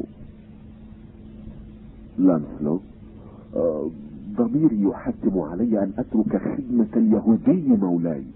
الشيطان على مقربة مني يخادعني بقوله جوبو لانسلو يا صديقي لانسلو أو صديقي جوبو أو يا صفي لانسلو جوبو. اعمل فخذيك وانجو بنفسك. ثم يقول لي ضميري حذاري يا لانسلو النزيه حذاري يا جوبو المستقيم أو ما كنت أقول آنفا أيها النزيه لانسلو جوبو لا تبرح. وترفع عن إجهاد فخذيك في الهزيمة. إلا أنه أي الشيطان لا يلبث أن يعيد علي نصيحته بالارتحال متشددا فيها مهيبا لي. أقلع تشجع انجو بنفسك. عندئذ يعلق ضميري برقبة فؤادي ويقول لي عن حكمة يا صديقي لانسلو القويم ابن المرأة المستقيمة وابن الرجل المستقيم. ذلك أن والدي كان يذوق الثمرة التي بين يديه ولا يخلو من سلامة في الذوق. عندئذ يقول ضميري البس لانسلو فيقول الشيطان فرارا فيقول الضمير إياك فأقول لأحدهما يا ضميري حسنت نصيحتك. ثم أقول للآخر أيها الشيطان أين الصواب من مشورتك؟ لو جاريت الضمير لأقمت مع اليهودي الذي هو أستغفر الله ضرب من الشيطان. ولو فارقت اليهودي لأصبح زمامي في يد الشيطان الذي هو ولا مؤاخذة الشيطان بعينه أو هذا اليهودي بشخصه. وبذمتي إن ذمتي لتركب الشطط حين تنصح لي بالمكث عند اليهودي. إنما الشيطان هو الذي ينصح لي نصيحة الصداقة. سأفر. أمرك مطاع أيها الشيطان. يدخل جوب العجوز حاملا سلالا. يا سيدي الفتى أين الطريق التي توصل إلى بيت اليهودي؟ يا الله هذا أبي. والدي بالحلال ولم يعرفني لشدة حسره سأختبره اختبار مداعبة. يا سيدي الفتى أين الطريق التي توصل إلى بيت اليهودي؟ عندما تصل إلى العطفة الأولى تحيد يمينا. فإذا بلغت العطفة الثانية تحيد شمالا. ثم تدرك العطفة الثالثة. فهناك لا تحيد إلى جهة من الجهات وتتجه بانحراف إلى بيت اليهودي. يا فيض الله هذه طريق لا تسهل معرفتها. أأنت مخبري إن كان الفتى مقيما معه واسمه لانسلو. إن كان مقيما معه أم لا؟ أتسأل عن المسيا لانسلو الأصغر؟ منفردا. تأملوا تأملوا في الآن سأستدر المياه. أتسأل عن المسيا لانسلو الفتى؟ لا يا سيدي ولكن عن ابن رجل فقير أنا أبوه وإن كنت أنا مدعي هذه الدعوة. رجل مستقيم معسر مدقع لكنه بحمد الله حسن السيرة والأخلاق. آه لا يهمنا أبوه كائنا من كان وإنما نتكلم عن لانسلو الأصغر. أجل بإذنك نتكلم على لانسلو. أه لا تتكلم على لانسلو أيها الشيخ بعد الآن. فإن ذلك الشاب قد أه أذن به الدهر أو القدر أو أي مسمى آخر بأسماء الصروف الصارمة لحبال الآجال من علمية وغير علمية فمات موتا أو بعبارة أشيع في العامة ذهب إلى السماء. أعفاني الله من هذا المصاب. فالفتى هو سندي وحيدي عكاز شيخوختي. أظهر علي أنني أشبه عصا أو هراوة أو دعامة خيمة. أتبينتني يا أبي؟ لا يا سيد الفتى لكن أرجو أن تقول ولدي رحمه الله. حي أم ميت؟ ألم تعرفني يا أبتي؟ أسفا يا سيدي إن نظري ضعيف ولم أتبينك. لو كان بصرك سليما ومن هو في الآباء ذلك الفطن الذي يعرف ابنه أيها الشيخ سأعلمك بأنباء نجلك باركني ينبغي أن يبرح الخفاء. القتل لا يخفى دهرا ولكن انتساب الولد لأبيه قد يستسر طويلا ثم تنجلي الحقيقة.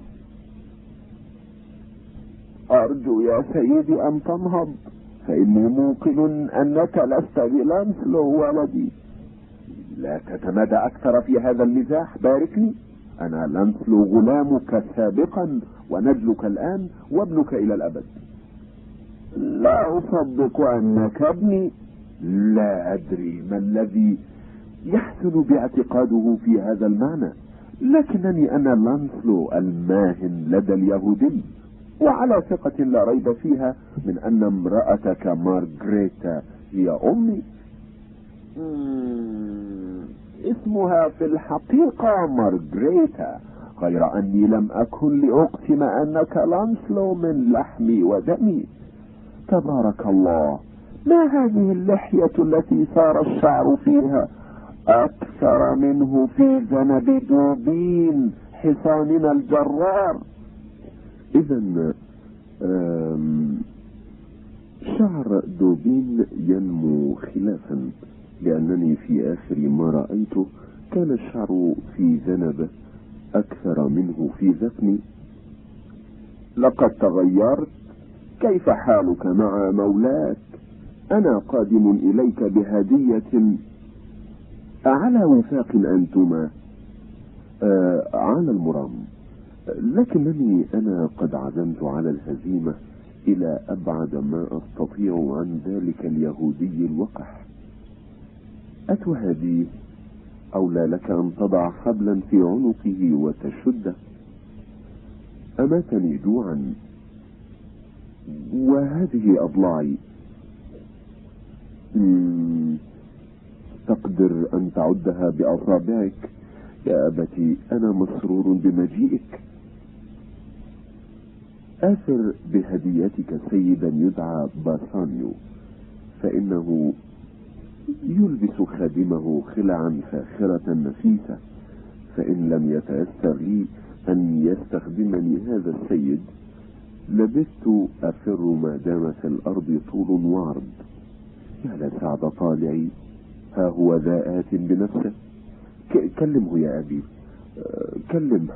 وإلا فإني إذا استمررت تحت أمر اليهودي صرت يهوديا. يدخل باسانيو يليه ليوناردو وبعض خدم. باسانيو مخاطبا خادما.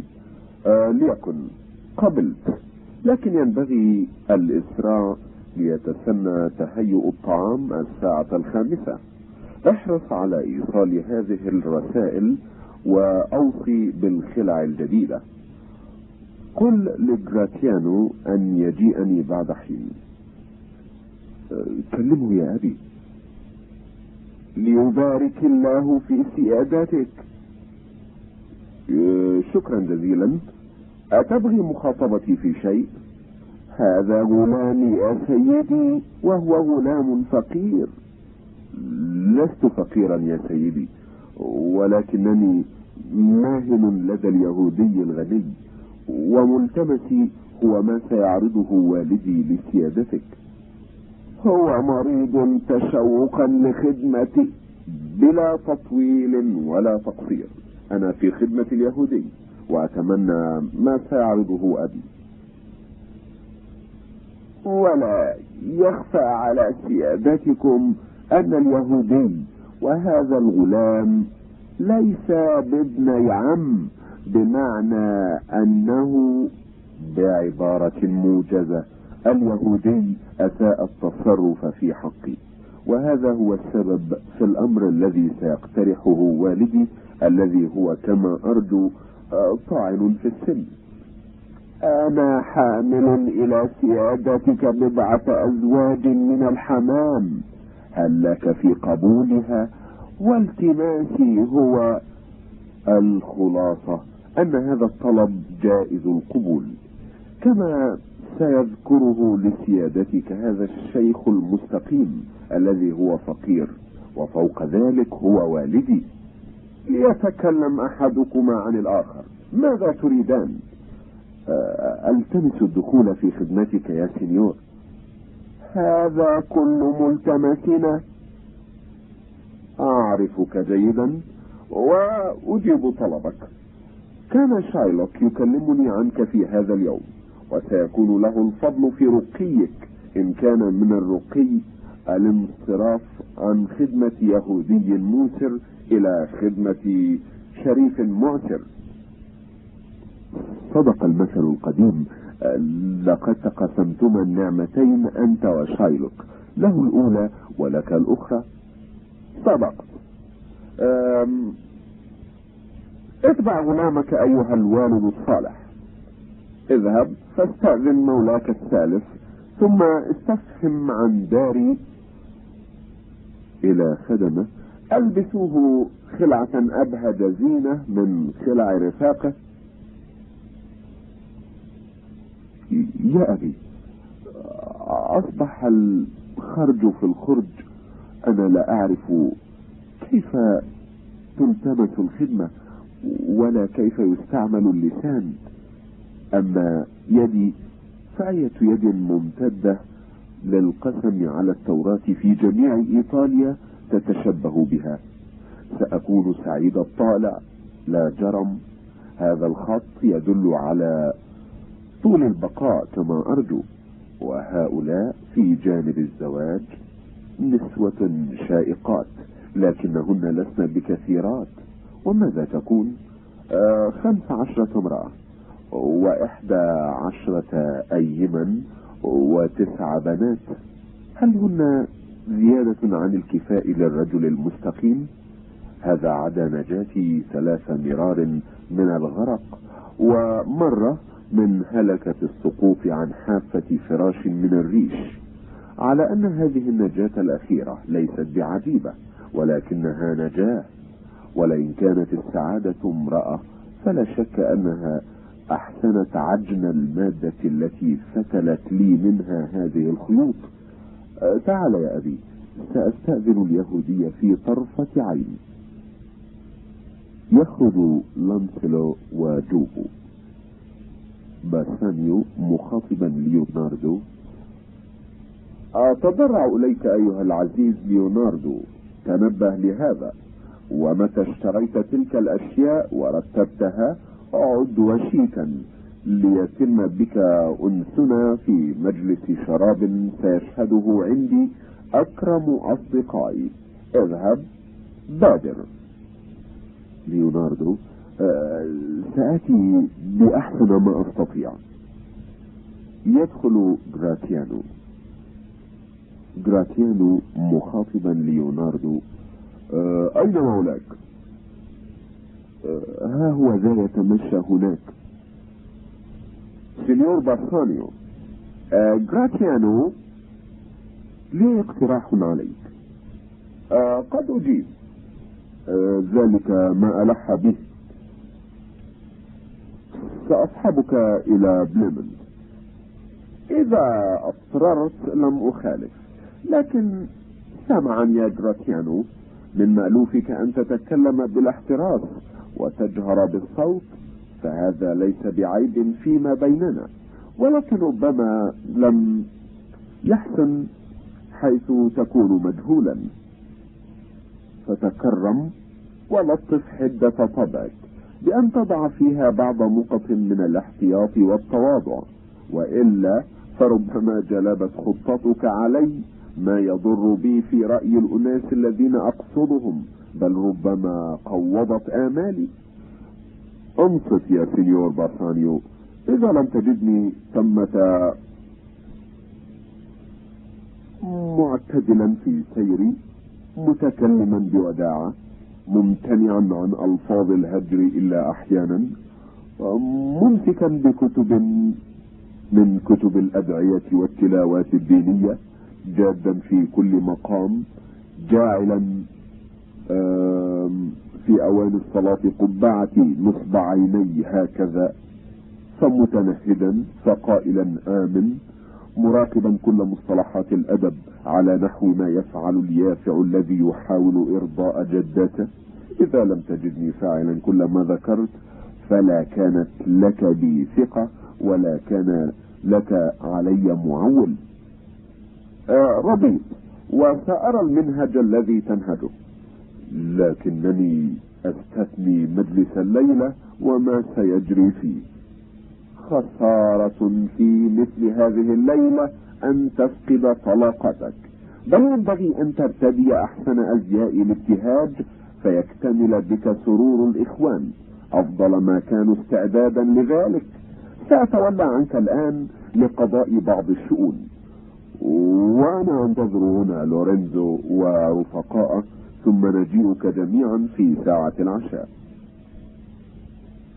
المشهد الثالث نفس المدينة مزارة في بيت شايلوك. تدخل جيسيكا ولانسلوت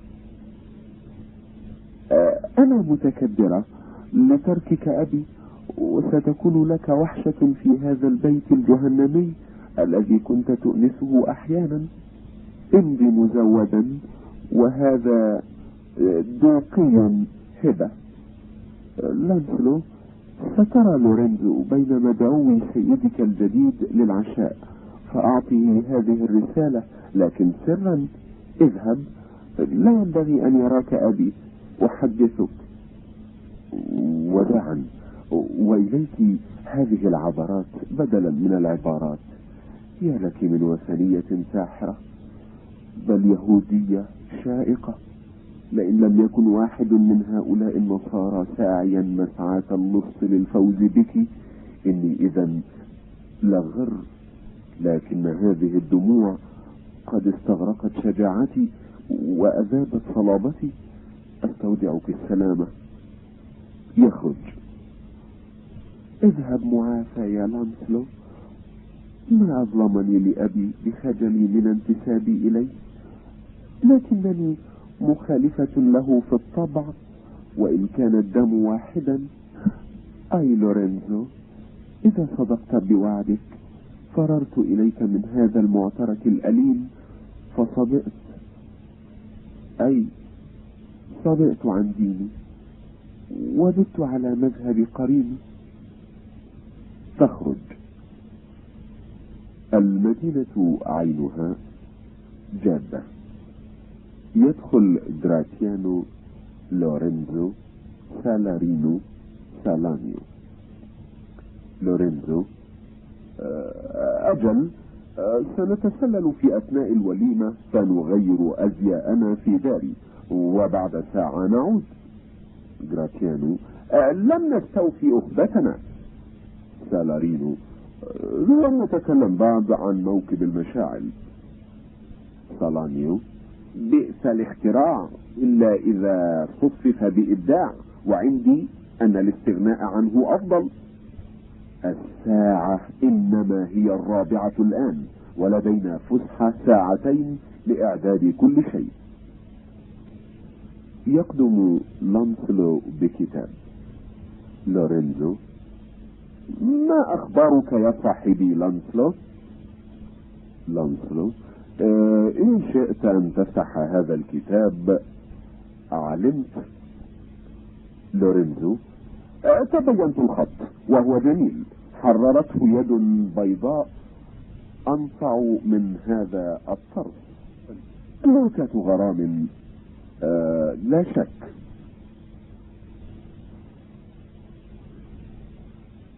يتكلم لانسلو. بإذنكم يا مولاي. لورينزو إلى أين؟ لانسلو إلى حيث اليهودي مولاي العتيق. أدعوه لتناول العشاء عند النصراني مولاي الجديد. لورينزو معطيا إياه كيسا. مالا خذ هذا. قل للعزيزة جيسيكا إنني سآتي في الميقات. قل لها ذلك سرا. انصرف يبتعد لانسلو لورينزو متمما. آه أيها السادة أتريدون أن نتأهب لمهرجان السخرية في هذا المساء؟ قد تيسر لي حامل مشعل. سالارينو. أه سأمضي من فوري. سالانيو وأنا أحذو حذوك. لورينزو أدركاني وغراتيانو في دار اليهودي بعد ساعة. سالارينو لن نتخلف. يبتعد سالارينو والسالانيو غراتيانو ألم يكن الكتاب من جيسيكا الجميلة؟ لورينزو يجب أن أطلعك على كل سر. بعثت تسألني كيف أختطفها من بيت أبيها.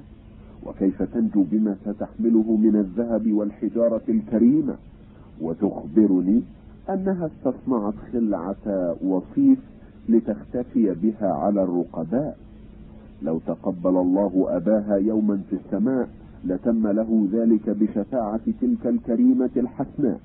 ولو استجاز مصاب أن يعترض سبيلها لما ترخص لذلك إلا من كونها ابنة يهودي بلا إيمان. هلم بنا واقرأ هذه في الطريق. ستكون جاسكا حاملة مشعلي. يخرجان. المشهد الخامس. البندقية أمام بيت شايلوك. شايلوك ولانسلو. سترى عما قليل بعينيك. ساعة الفرق بين شايلوك العجوز وباسانيو.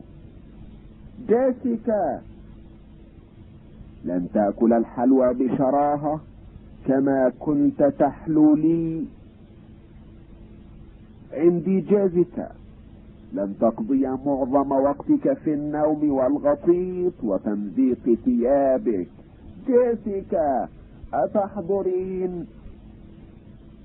لانسلو مناديا. جيسيكا من كلفك أن تدعوها؟ طالما وبختني لأنني لا أصنع شيئا إلا بأمر. تجيء جيسيكا أتدعوني؟ ماذا تريد مني؟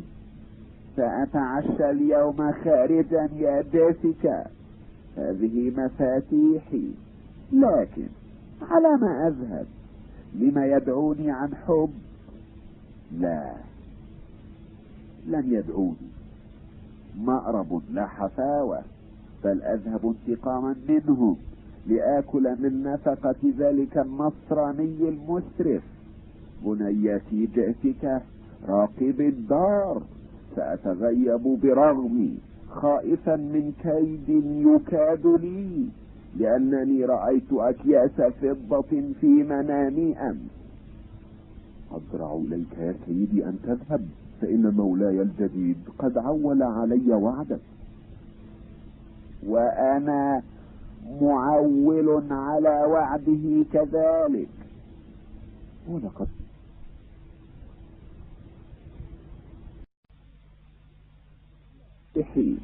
لكن على ما أذهب؟ لما يدعوني عن حب؟ لا. لم يدعوني. مأرب لا حفاوة بل أذهب انتقاما منهم لآكل من نفقة ذلك النصراني المسرف. بنيتي جئتك راقب الدار سأتغيب برغمي خائفا من كيد يكاد لي. لأنني رأيت أكياس فضة في منامي أمس أضرع إليك يا سيدي أن تذهب فإن مولاي الجديد قد عول علي وعدك. وأنا معول على وعده كذلك. ولقد أضمر وأضمروا جميعا شيئا لهذه الليلة وأسروا الندوة فيما بينهم. لن أبح بما أخفوه. لكنك إذا رأيت الليلة مهرجان أناس متنكرين لم يكن ذلك إلا مصداقا لرعاف أنفي يوم الاثنين المنصرم المعروف في التاريخ باليوم الأسود في الساعة السادسة صباحا على حين أن الرعاف الذي جرى لي قبله إنما كان في يوم أربعاء الرماد نحو الأصيل. سيتنكرون اسمعي يا جيسيكا. غلقي الأبواب بإحكام وإذا سمعت طبلا وزمرا نزاز النغم فحذاري حذاري أن تذهبي إلى القوة أو أن تطلي بوجهك على الجمهور لتري الوجوه المستعارة التي يطوف بها أولئك النصارى البلهاء. أقفلي آذان داري.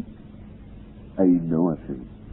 ولا تصل ضوضاء أولئك المجانين إلى بيت الساكن الأمين. قسما بعصا يعقوب إنني ذاهب في هذا المساء إلى تلك الوليمة بكره وبلا أدنى رغبة مني لكنني سأذهب. إلى لانسلو. اسبقني وقل إنني قادم. سأسبق يا سيدي. لا يمنعك هذا من التطلع. فربما جاءك نصراني موعود خليق بمودة كرائم اليهود. ينصرف. ماذا يقول هذا الغر من نسل هاجر آه قال وداعا يا مخدومتي ولم يزد. غلام لا بأس به لكنه أكول ناهم. بطيء في العمل. نؤوم كالسنور البري. أنا لا أحب الزنابير في خلياتي ولهذا صدت عنه نفسا لغيري. فليعنى مولاه الجديد على إنفاق المال الذي اقرضه إياه بسرعة. عودي يا جاسكا.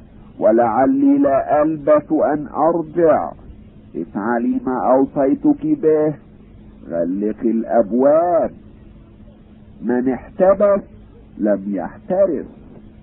هذا مثل دائم الحضور في ذهن المقتصد أستودعك الله. ولئن تحقق ما نويت لقد فقدت أبي. وفقدت أنت ابنتك. تبتعد. المشهد السادس أعين المكان. يدخل جراتيانو وسالارينو متنكرين. جراتيانو آه هذا هو الرواق الذي أوعد إلينا لورينزو أن ننتظره في فيه مضت الساعة أو كادت. عجيب أن يتباطأ. وما هذا شأن العاشقين؟ من مجادة حمائم الزهرة أن يصرن إلى عقد مودات جديدة بأسرع مرارا مما يجثمن للبقاء على مودة قديمة. ستكون الحال أبدا هكذا. آه أي الضيوف؟ وقد فرق المائدة تكون شهوته للطعام كما كانت حين جلوسه إليها. أي جواد إذا رد في الطريق الوعرة التي جازها من قبل لا يتباطأ في الرجوع. في كل أمور هذه الدنيا نحن أنشط حين نسعى إلى المطلوب منا حين نتمتع به. انظر إلى الفلك إذ تفارق مرفأها الأصلي فراق الولد الشاطر لبيت أبيه فتنشر رايتها الزاهية الألوان يداعبها الهواء دعاب الهوى. ثم انظر إليها تعود عود ذلك الولد الشاطر ملوية الأضلاع ممزقة الشراع مهدمة الجوانب بفعل النسيم الفاسق. يجيء لورينزو آه هذا لورينزو سنستأنف الكلام في هذا. لورينزو يا أصدقائي اغفروا لي إبطاء الممل فإنما أعمالي التي سببت وإني لاعدكم بأن أنتظركم ما شئتم. حين يخطر لكم أن تختطفوا عرائس هذا بيت اليهودي نسيبي. هيا. آه، أحد هنا. جيسيكا بملابس الوصيف تنظر من النافذة. من أنت؟ تسمى لأزداد طمأنينة وإن عرفت الصوت. حبيبي لورينزو آه، لورينزو محقق؟ حبيبي بلا ريب أنا عندك من الهوى ما لك عندي؟ السماء وقلبك يشهدان بصدق غرامي. ملقية صندوقا. تناول هذا الصندوق. فيما يستحق هذا العناء. أنا فرحة بأن الوقت ليل وأنك لا تستطيع رؤيتي لأنني خجلة من تنكري بهذا الملبس. إنما الغرام أعمى وليس للمتحابين أن يروا هم آثار جنونهم إذ لو قدروا على استدلاء الحقيقة لخجل الغرام نفسه من تشكلي بهذا الشكل. انزلي فقد جعلتك حاملة مشعلي. ما تقول؟ أبيدي أحمل النور الذي يكشف فضيحتي على كونها أجدر بالإخفاء لشدة وضوحها لابد لي من الاستتار. حسبك استتارا يا حبيبتي في ثوب الوصيف. أسرعي لأن الليل يتقدم ونحن منتظرون في وليمة باسانيو. سأقفل الأبواب وأجلب ما أستطيعه من الدوقيات تتوارى من النافذة. جراتيانو حلفت بقبعتي إنها لطيفة وليست يهودية. لورينزو أقسم لكم أنني أحبها بكل جوارحي لأنها حصيفة متبصرة على ما أستخلص ولأنها جميلة على ما أرى ولأنها مخلصة على ما تبينت. فبالنظر إلى كونها فتاة عاقلة حسناء طاهرة قد أقررت منزلتها في قلبي مدى العمر. تحضر جيسيكا. سرعان ما حضرت لننصرف يا سادة. إن إخواننا المتنكرين ينتظروننا. يذهبون إلى جراتيانو ويحضر أنطونيو. أنطونيو من الشخص؟ جراتيانو آه لست السينيور أنطونيو؟ أوف يا جراتيانو أين الآخرون؟ الساعة التاسعة. أصدقاؤنا في الانتظار. ستتلف زينة الليلة لأن العواصف هبت وباسانيو مبحر بعد هنيها. وقد أرسلت عشرين نفسا في طلبكم. حبذا ما تبشرني به فلا شيء أحب إلي من الإقلاع ولو في مثل هذا الليل. ينصرفان. المشهد السابع. كليمنت مزارة في قصر بيرسيا صوت معازف. تدخل بيرسيا وأمير مراكش وأتباعهما. بيرسيا لترفع هذه الستارة وليدلل هذا الأمير النبيل على الصناديق الثلاثة. الآن تخير يرفع الحجاب وتظهر الصناديق.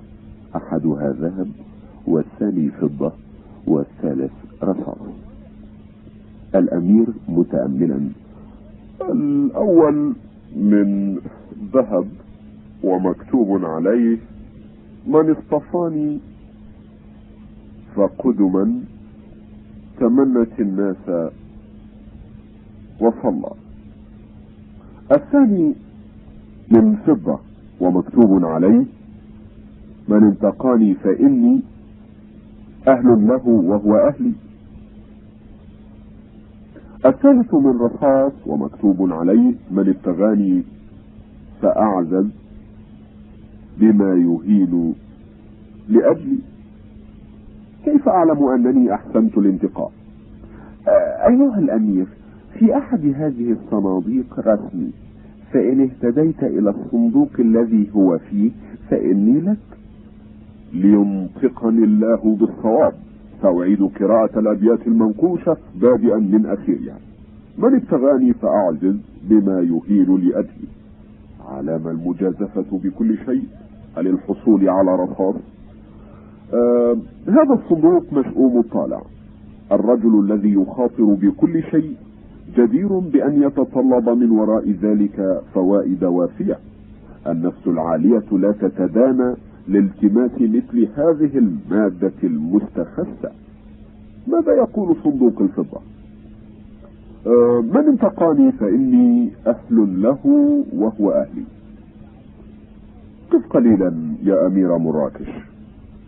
زم قيمتك وزن إنصاف.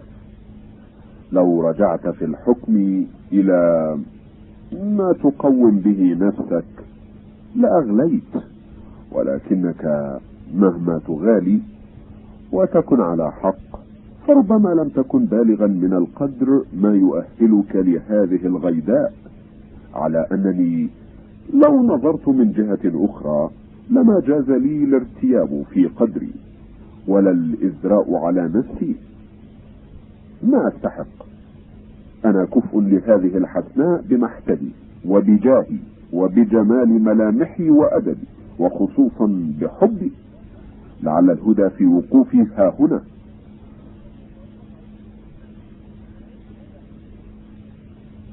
آه ما كتب على صندوق الذهب معناه أن كل إنسان يتمنى ربة هذا القصر. وأن الخطاب من كل أطراف الدنيا يسعون لتقبيل الوعاء المشتمل على هذه الحوراء الدنيوية. من اصطفاني فقدما تمنت الناس وصلي.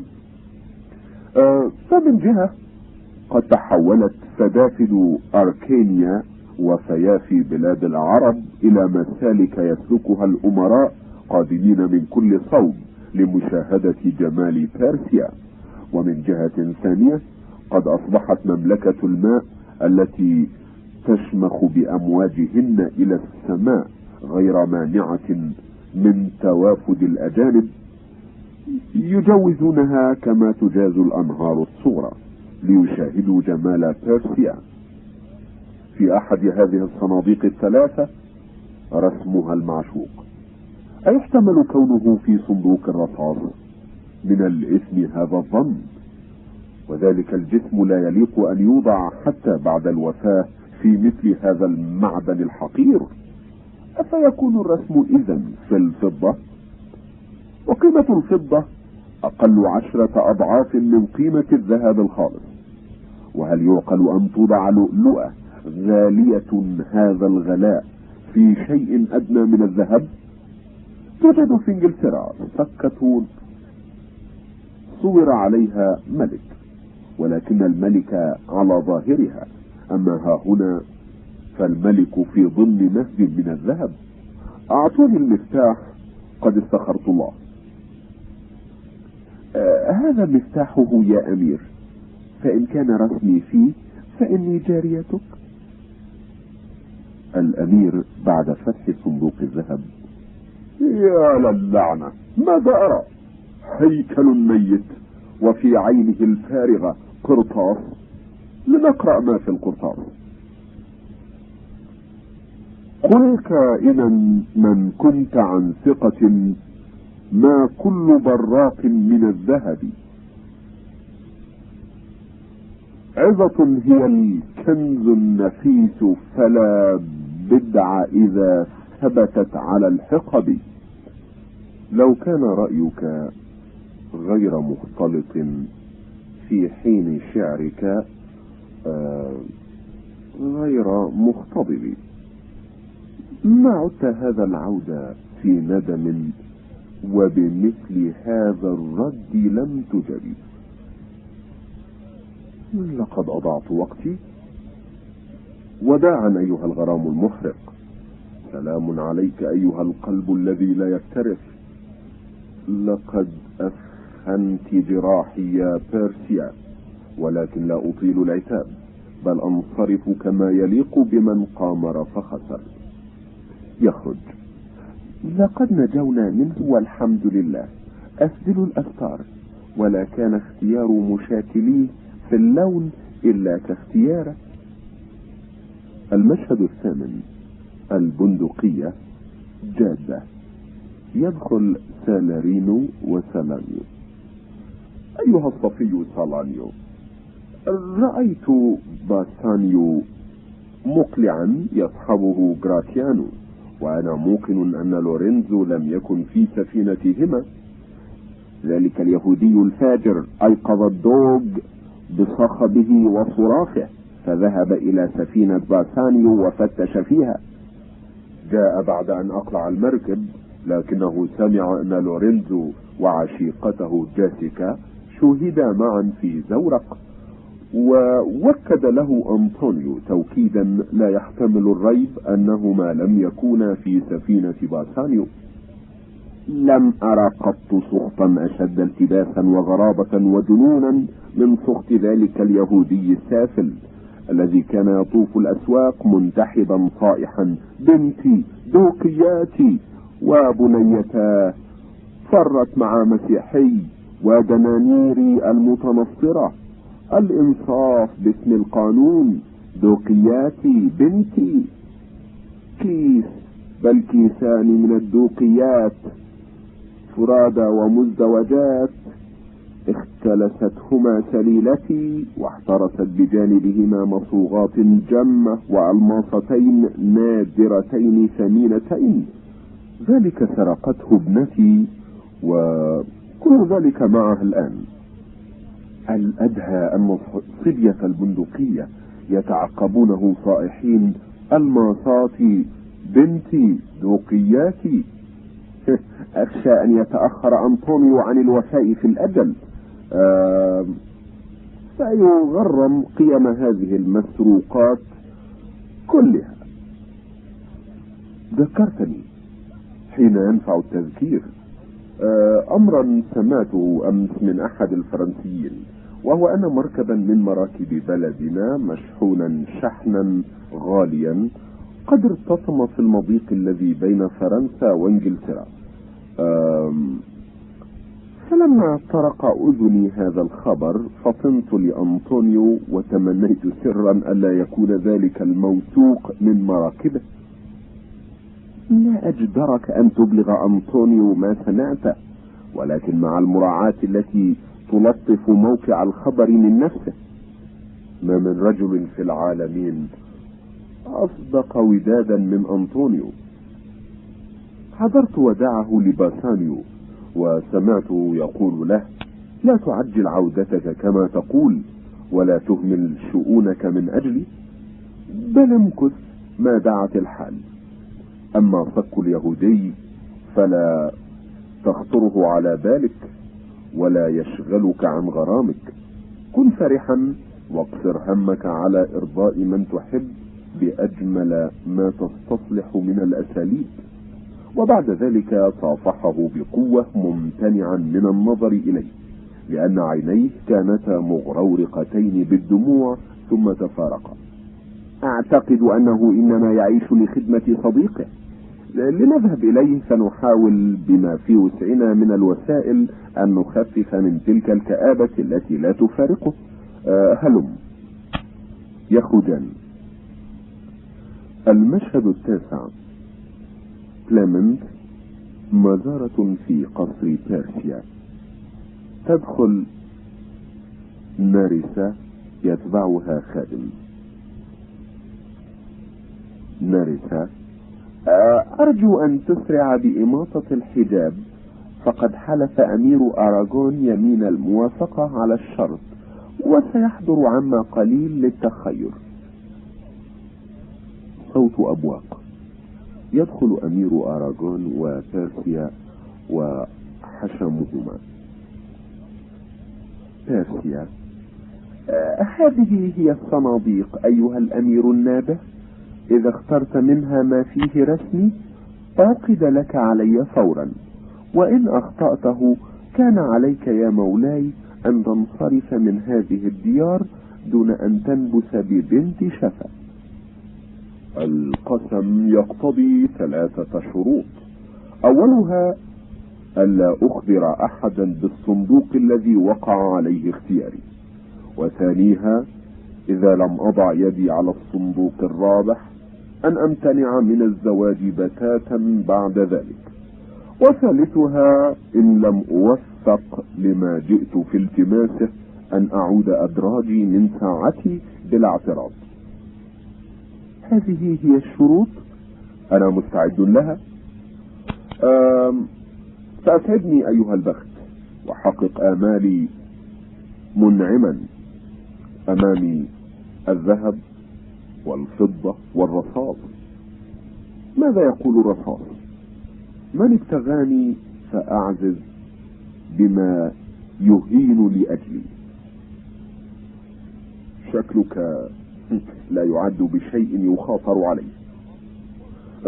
ماذا يقول صندوق الذهب؟ لنقرأ ما هو ذلك الشيء الذي يتمناه الأكثرون. لا نزاع في أنهم يعنون بالأكثرين جمهور العامة الذين تغرهم الظواهر لاكتفائهم بشهادة النظر عن تبطن السرائر فهم كالخطاف الذي يبني أعشاشه فيما برز من أعالي الجدران فيتعرض بذلك للطوارئ والآفات لن أختار ما يشتهيه السواد كراهة مني لمماشاة السوق والاختلاط بالطغام الجاهلين. فإليك الالتفات أيها الكنز النقي. أعد علي عبارتك المنقوشة. من انتقاني فإني أهل له. وهو أهلي. ما أحسن هذا المقال؟ لا ينبغي لأحد أن يخادع القدر ويصيب من العز أو الجاه أو القدر ما ليس لها به جديرة حبذا لو كانت الأموال والألقاب والرتب بالكفايات لا البراطيل إذا لا نزعت أعشاب سوء لا تحصى من محصول الكرامات الصحيحة. ولأخرجت غلال قيمات من أكداس التبن الذي لا قيمة له. أه لنرجع إلى شأننا. أحسبني كفوا لها. أعطوني مفتاح هذا الصندوق فأرى ما فيه. يفتح الصندوق. ثالثية آه الذي وجدته لم يكن حقيقا بالزمن الذي أضعته فيه. ماذا أرى؟ رسم أبلة يقدم لي قرطاسا. أي شيء في هذا القرطاس؟ ما أقل مشاكلة هذا الرسم لرسم فارسيا. وما أبعد جوابه؟ عما التمسته آمالي. ألم أكن جديرا إلا برسم أبلة؟ أهذا كل ثوابي؟ أولم يلقى لي غيره؟ الخصومة والحكومة نقيضان لا يجتمعان في واحد. لنقرأ ما في القرطاس. من رابه ألم الخطوب فإنني بالنار قد محفظت سبع مراري من عاش لم يأمن على طول المدى خطلا يبادره وسوء خياري. في الناس مخدوع يقبل ظله فينال ظل سعادة وفخار وفتى خلي القلب مثلي بينهم في مظهر متألق غرار. أنا تكن ما أنت إلا مشبه فاحمل حمولك وانج من ذي الدار. مهما أطل الإقامة هنا بعدما كان فلا أزداد إلا ظهورا بمظهر الحماقة. جئت برأس أبلة وأعود برأسين. أستودعك الله أيتها الزهراء. سأبر بقسمي لأحسن تملك نفسي وكظم غيظي. يخرج الأمير مع حاشيته. بيرسيا كذا احتراق الفراشة بالنور. هؤلاء المجانين الذين جفت حواسهم لم يبلغوا من المهارة إلا إتقان الخسارة. ميرسيا. آه صدق من قال إن المشنقة قضاء والزواج نصيب. يدخل خادم. آه أين السيدة؟ ها هي ذي. ما تبتغي منها؟ يا سيدتي بالباب رجل من البندقية جاء مبشرا بقدوم مولاه مهديا إليك ما زكى من التحيات وما غلا من الحلي الثنيات حتى لا خيل إلي أن شهر نيسان وهو مزدان بزينات الربيع. لا يتقدم الصيف بأجمل وبأرق مما يتقدم هذا الخادم الأديب مولاه الآتي في إثره. كفى لا تزد. فقد خشيت أن تضيف إلى هذا الإفراط في الثناء أنه من أقربائك. تعالي ميرسيا ننقع غلة شوقنا برؤية ذلك الرسول الذي جاءنا بهذه المحامد كلها. بسانيو وفقه أيها الغرام. يخرجان. الفصل الثالث المشهد الأول البندقية جادة. سالانيو وسالارينو. سالانيو ما أخبار الريالتو؟ سالارينو ثبت ما شاع عن غرق مركب لأنطونيو ثمين الأوساق في ذلك المضيق الذي يسمونه على ما أظن جودونز. وهو مكان بعيد الغور. أه دفن فيه ما لا يحصى من الجوار المنشآت. إن صح ما تزعمه العجائز المنبئات. صلاليو معاذ الله أن يكون ما سمعته إلا بهتانا من أسخف قاعدة أكلت فطير البرطمان وأوهمت جاراتها أنها تبكي ثالث أزواجها. ولكن النبأ الصحيح الذي يبعث الأسى والأسف وباختصار القول منعا للإسهاب وأخذا بالمألوف من الكلام أن أنطونيو النبيل أنطونيو النزيه أنطونيو الجدير بأشرف النعوت التي نعت بها إنسان. هلم إلى الواقع. ماذا تقول؟ الواقع هو أن أنطونيو فقد مركبا. عسى أن خسارته تقف عند هذا الحد بإذن الله. أبادر بالتأمين مخافة أن يعارض الشيطان هذا الدعاء ولا سيما وهو ذا الشيطان بنفسه. قادم إلينا في ذي يهودي. يدخل شايلوك. سالانيو شايلوك. ما أخبار التجارة في مصفق الرياليتو؟ شايلوك أنت أعلم من علم بفرار ابنتي لا جرم أنها فرت وأنا أعرف الخياط الذي صنع لها ما طارت به من الأجنحة.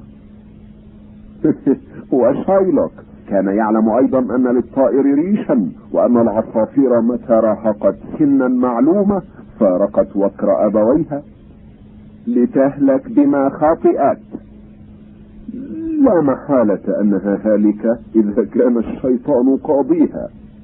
يثور بي دمي ولحمي.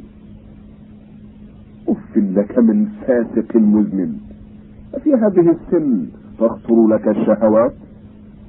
أعني ابنتي وهي لحمي ودمي. بين بدنك وبدنها من الفرق بين الثبج والعاج والثبج الخرز الأسود وبين دمك ودمها من البون مثل ما يختلف النبيذ الأحمر عن النبيذ الأبيض. لكن أنت مخبرنا. أعلمت أن أنطونيو أصيب بخسارة في مشحوناته بحرا؟ وهذه مسألة لم تكن لي رابحة. مفلس مسرف. لا يجرؤ أن يتراءى في الرياليتو. بائس. كان يجيء المصفق متبخترا. حذار أن يتأخر عن الوفاء في صكه كان يدعوني مرابيا. إياه أن يغفل ميعاد خطه. كان يقرض النقود إقراض نصارى على سبيل الإحسان ليخشى أن يبطئ عن أداء ما عليه في حينه. ما أظنك إن تأخر عن إعطائك المال تتقاضى بضعة من لحمه. أتفيدك في شيء؟ تفيدني في إعداد طعم للسمك. ألا يكفي أن أستخدمها في شفاء غليلي؟ والانتقام لنفسي.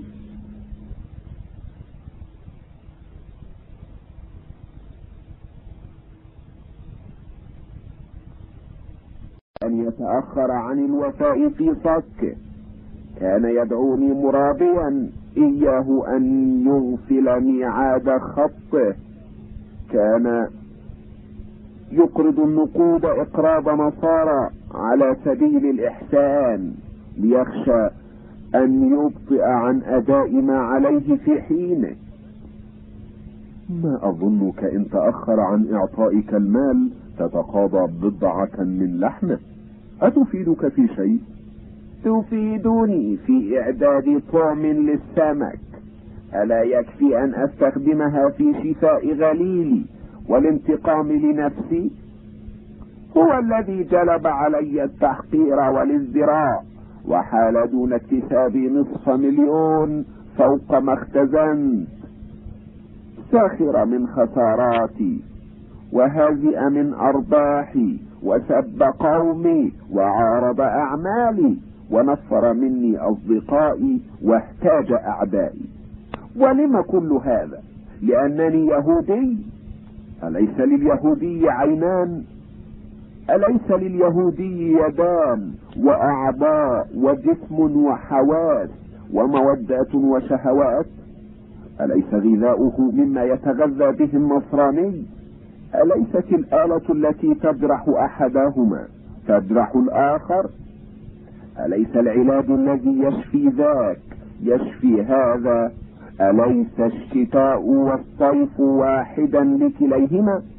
ألسنا إذا وخلتمونا ننزف دما وإذا دغدغتمونا نضحك وإذا سقيتمونا السم نموت وإذا آذيتمونا ننتقم.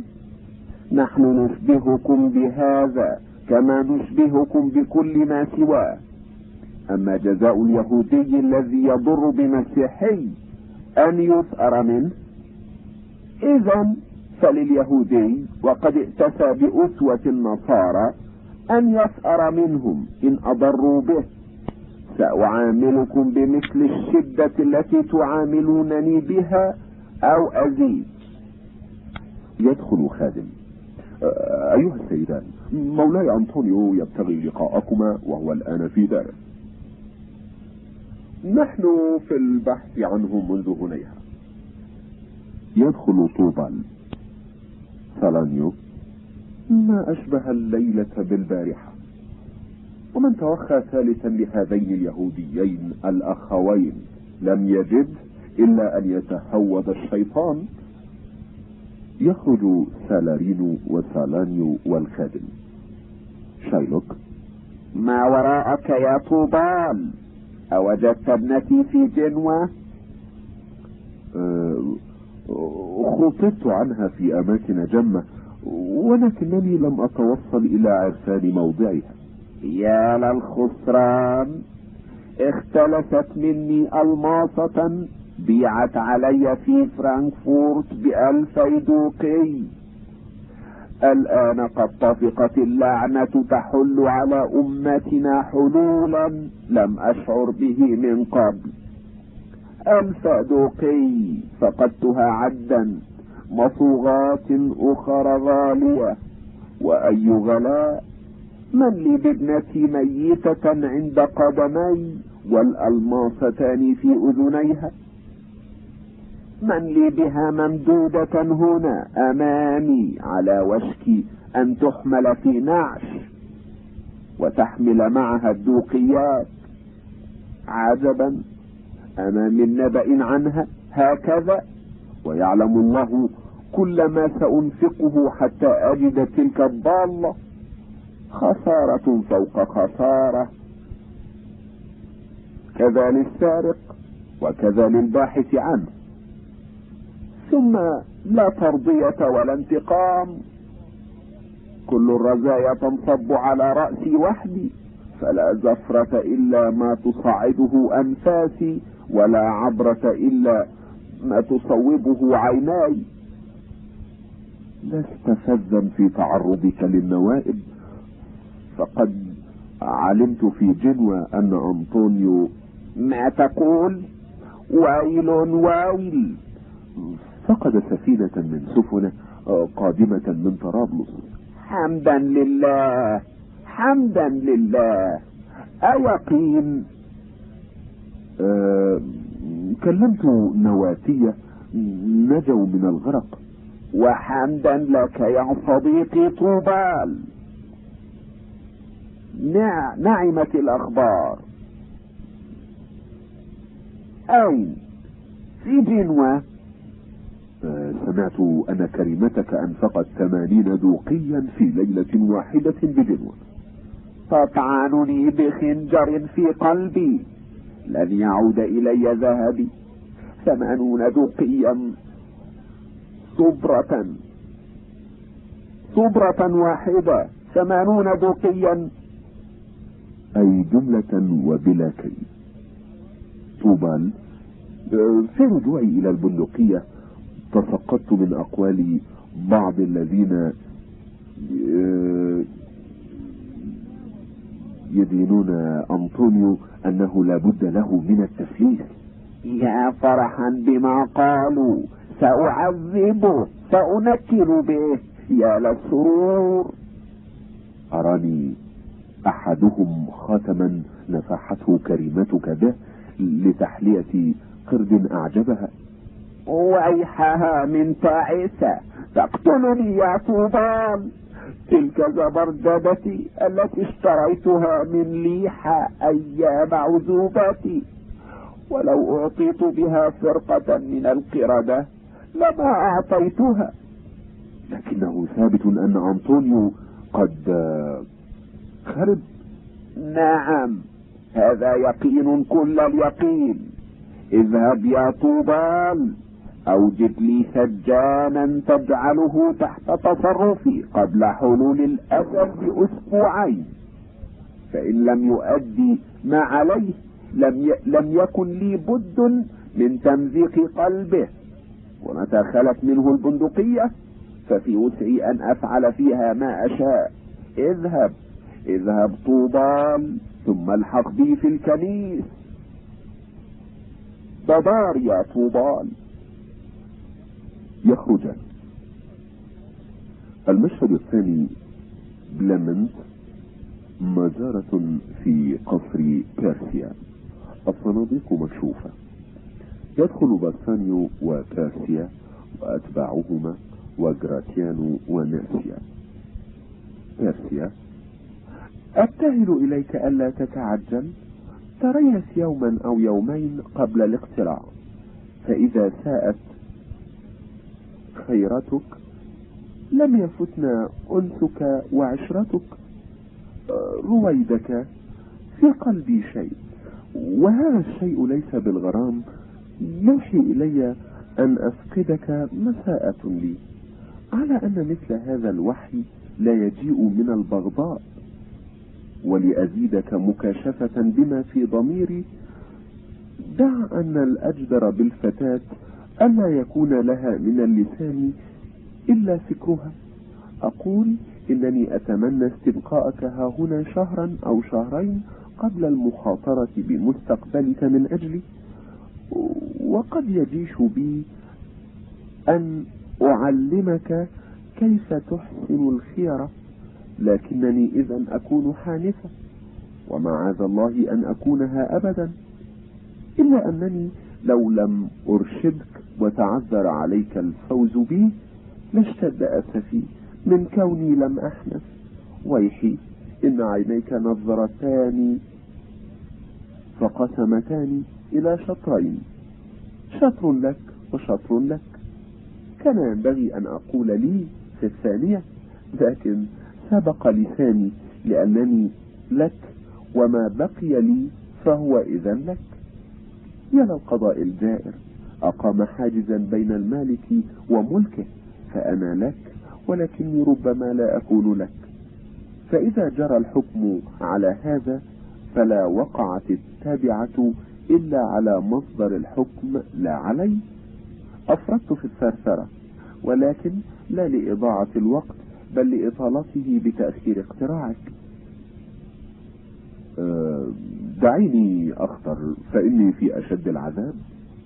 في أشد العذاب يا باسانيو فلا بد من خيانتي. لا خيانة ولكن خشية فقد من أهواه. وقد يكون أيسر أن تأتلف النار والثلج من أن تأتلف الخيانة وحبي. سوى أنني أخشى أن يكون كلامك إكراهيا أشبه بما يجريه الألم على الألسنة قسرا. عيديني بالحياة. أعترف لك بالحقيقة. أعترف وعش كان يجب أن تقولي أقرر وأحبب لأن إقراري لا يزيد على معنى هاتين اللفظتين فأعذب ذلك العذاب الذي يعلمني مسببه كيف أنجو منه. لكن دعيني أعرف بختي بين هذه الصناديق. إليها وأعانك الله.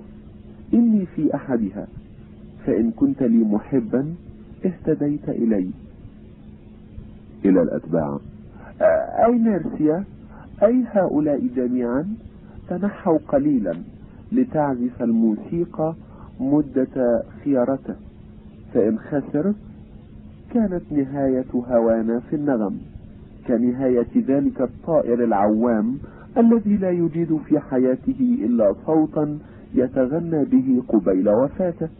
ولإتمام الشبه أجعل عندئذ عيوني الماء الصافي الذي يقضي فيه ذلك الهوى نحبه. أما إذا كسب فكيف يكون النغم إذن؟ ليكن نفخا في الأسوار بعيد الصدى كما يكون حين تجثو الرعية المخلصة لدى ملكها المتوج حديثا أو كذلك اللحن الشجي الذي يشدوه السعد في أذن الخطيب صباح اليوم الذي تتحقق فيه أحلامه ويتأهب لعقد القران على عتبة الهيكل. ها هو ذا يتقدم بأقل جدلا ولكن بأكثر غراما من الفتى الشجاع السيد حين أنقذ البتول التي قربتها قبيلة طروادة باكية منتحبة للوحش البحري. على أنني أشبه بتلك الفتاة المقدمة للتضحية. أجد الذين حولي مستعدين كالطرواديين يتوقعون الختام وأقول أماما يا هرقل عش فأعيش أنا شاهدة القتال سوى أنني أشد تأثرا منك يا من يقدم علي. تسمع الموسيقى خلال نظر بارسانيو في الصناديق وتشاوره. صوت ينشد أين مكان الهوى ومنبته؟ في العقل أم في الفؤاد مولده؟ ومن مباه به الجلال فقد دال من المالكين أيده. آخر ينشد تلك العيون السواهي للحب هن مهود. إن يسقه اللحظ نارا قضى وهن اللحود. الجمع ينشد ليهتف هتاف الأسى ويسمع نواح الأسف. يخف صريع المنى ويودي سريع الشغف باسانيو. نعم. يقرب من الاحتمال أن أبهج غلاف بظاهره يحتوي على أشنع شيء. هكذا تخدعنا زينات الناس في الغالب من الأمر. لا توجد في القضاء دعوة سيئة لا يتولى الدفاع فيها منطيق مقنع. يوطي معايبها بتأثير فصاحته؟ أيوجد في العقائد خطأ مهلك. لا يجهد أحد المتنطقين العابثين أن يحلله بنصوص قاطعة ويخبئ ما به من السم تحت أزهار يزينه بها. هل في المسالب واحدة لا تلبس لدى الإبصار بعض ملابس المحامد كم من جبان لا تختلف شجاعته عن مدرجه من الرمل ولكنه يغشي ذقنه بمثل لحية هرقل الصنديد أو لحية المريخ العنيد. لو استشففت بواطن هؤلاء الرعاديد لوجدت أكبادهم بيضاء كاللبن. سوى أنهم سرقوا تلك الإمارات المهيبة ليدادوا بالبطش والبأس. انظروا إلى الجمال. تجد جواذبه مجلوبة من حانوت التاجر. ومن غريب ما تحدثه الطبيعة في هذا الباب أن أكثر النساء حمولة من المحاسن المستعارة.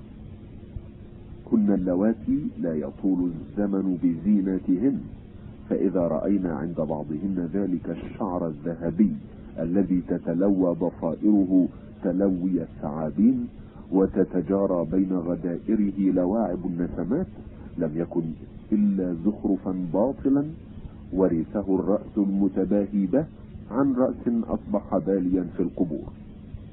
فالتبرج إذا ليس إلا زينة الشاطئ الذي ينزل منه إلى البحر الزاخر بالأخطار أو هو الشف اللماع الذي تحتجب وراءه حجنة هندية أو هو ما ترتديه الحيلة من مشابهة الحقيقة لتأخذ الحكيم في أشراكها.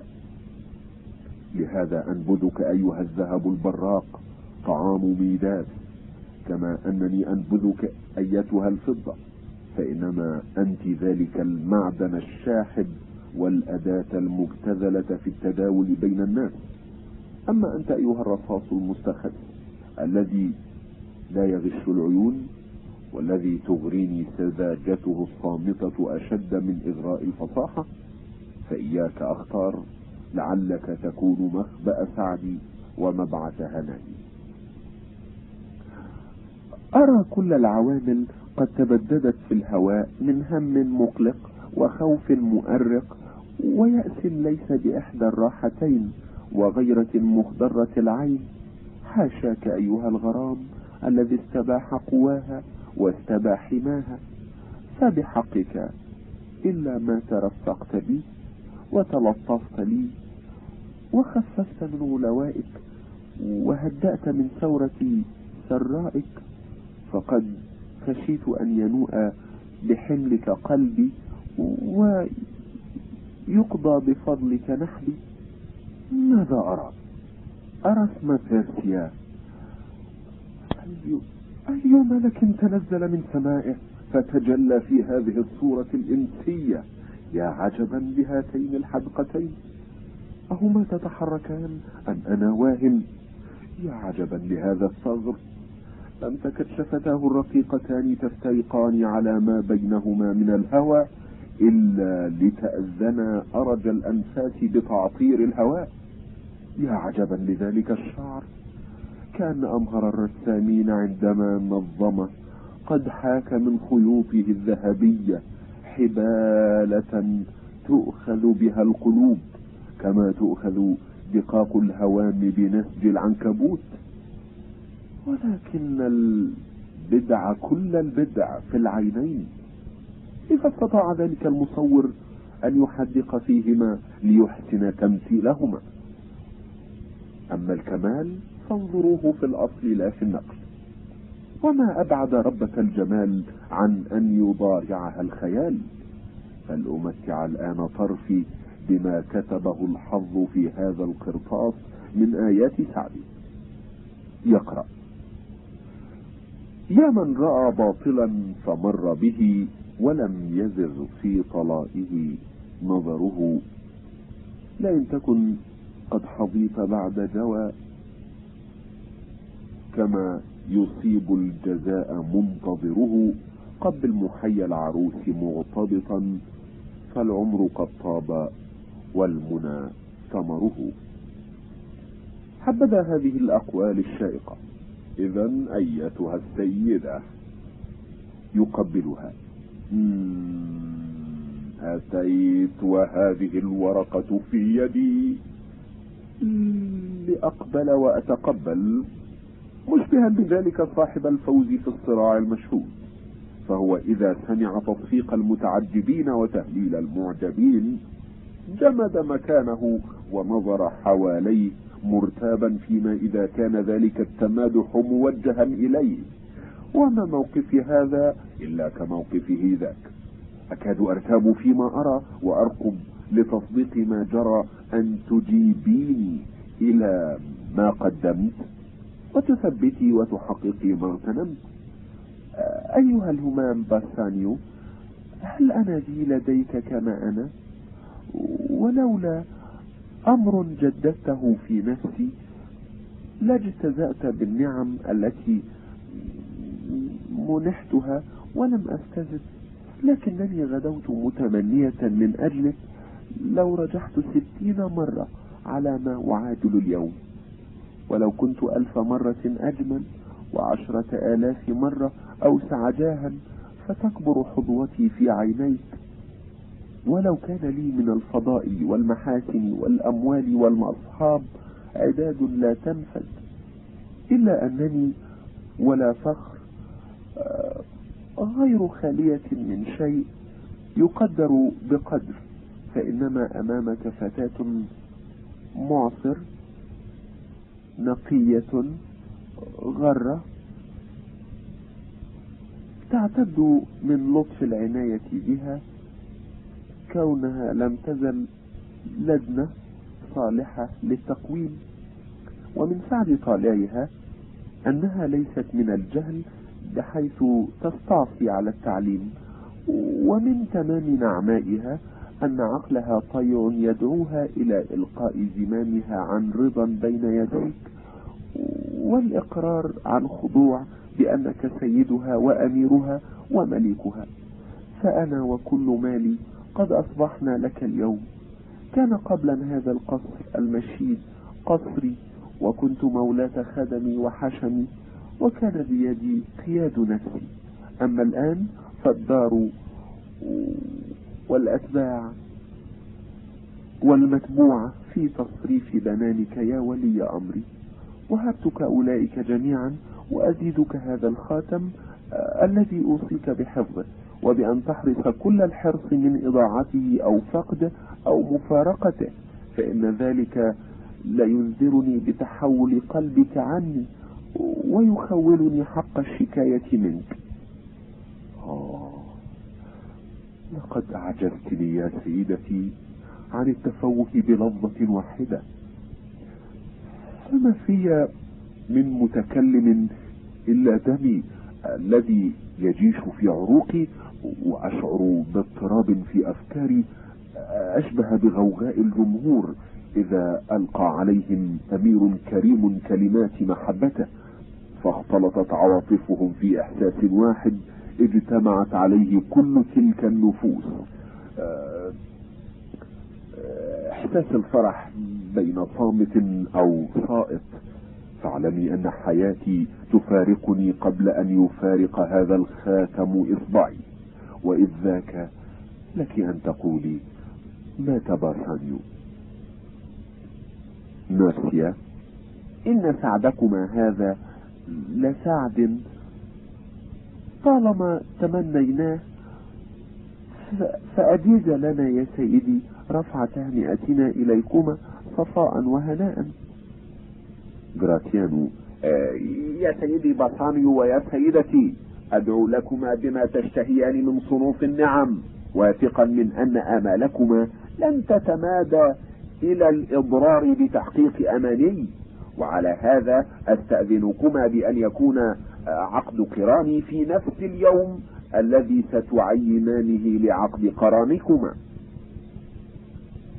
إذا وجدت الحليلة فإننا لنأذن بارتياح.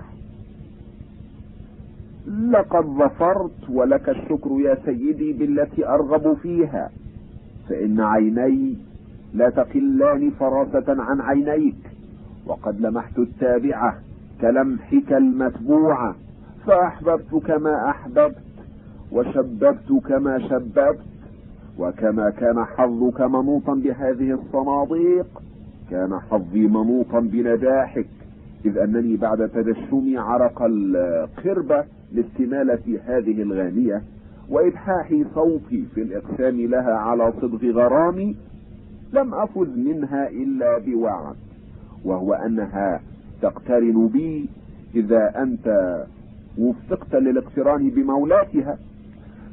أكذا جرى يا ناسيا نعم يا سيدتي إن كان فيه رضاك.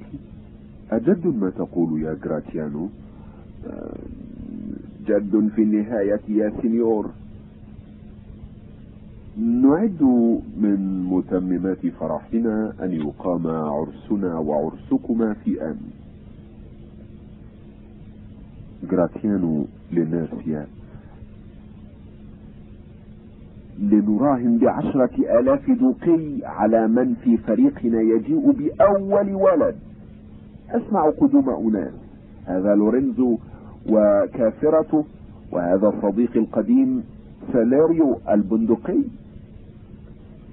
يدخل لورينزو وجيسيكا وساليريو باسانيو لورينزو وساليريو مرحبا بكما. إن كان يسوغ لي على حداثة عهدي هنا أن أحتفي بمواطني وأصدقائي أتأذنين لي يا بيرسيا الجميلة أن أرحب بهما؟ لقد لقوا أهلا ونزلوا سهلا. لورينزو حمدا لك يا مولاتي. أما أنا يا سيدي فلم يكن مقصدي هذا القصد لكنني صادفت السالاريو في الطريق فلج حتى أوجب مجيئي معه. سالاريو. آه هذا ما حدث يا سيدي وكان لذلك عندي سبب. إليك كتابا من السينيور أنطونيو. حملني إياه وأوصاني أن أذكره لديك. يعطيه الكتاب. باسانيو قبل فض الكتاب. أه كيف صديقي العالم سالاريو ليس بمريض ولا بمعافى إلا أن تكون الصحة أو العلة في الروح لا في الجسم. ولكنك ستعلم من رسالته حقيقة حالته. جراتيانو مشيرا إلى جيسيكا أه ميرسيا أكرمي وسادة هذه الأجنبية واحتفي بها. يدك يا سالاريو أي جديد في البندقية؟ كيف أنطونيو أمير التجار وكيف أعماله أنا موقن أنه سيفرح لأفراحنا. نحن من آل جازون. قد غنمنا الجزازة الذهبية. ليتكم كسبتم ما خسر. لابد أن تكون في هذا الكتاب أنباء رائعات. فقد انتقع وجه باسانيو وما يغير وجه الرجل الكريم مثل هذا التغيير السريع إلا أن يفقد صديقا من أصفى أصفيائه. تهون في جنب رزقه فوادح الأرزاق. عجبا أرى ازديادا في أسفه إذا يا باسانيو إني شطر منك الآن وأطلب بقوة حصتي من مضمون هذه الرسالة كائنا ما كان. يا حبيبتي بيرسيا لم لم تسود الصحف في يوم من الأيام. بمثل ما سودت به هذه الصحيفة من السطور المشؤومة. عندما فاتحتك بغرامي لأول عهدنا أقررت لك بأن ما بقي من ثروتي لم يكن إلا الدم الجاري في عروقي دم ماجد شريف. على أنني أيتها الصفية رقيقة. مع صدقي بإبلاغك أنني لم أكن شيئا مذكورا قد غاليت فقومت نفسي بما يفوق قيمتها كثيرا وكان الأجدر بي أن أصارحك بأنني أقل من لا شيء ذلك لأنني استخدمت ضمان صديق عزيز للحصول على مال أقضي به حاجاتي فعرته بذلك لألد أعدائه. وأشد مبغضيه آه هذا كتاب يا سيدتي. درجه جسم صاحبي. وكل كلمة في الدرج. جرح ثخين في الجسم يتدفق منه الدم وتندفع في أثره الحياة. ولكن أحق يا ساليريو أن كل تلك المواثق نكبت. عجبا. ألم ينجو واحد منها؟ أو لم تصل سفينة فذة من تلك السفائن العائدة من طرابلس أو المكسيك أو إنجلترا أو لشبونة أو الهند بلا استثناء؟ أكلها أبادته الصخور وألقت به في أعماق البحور؟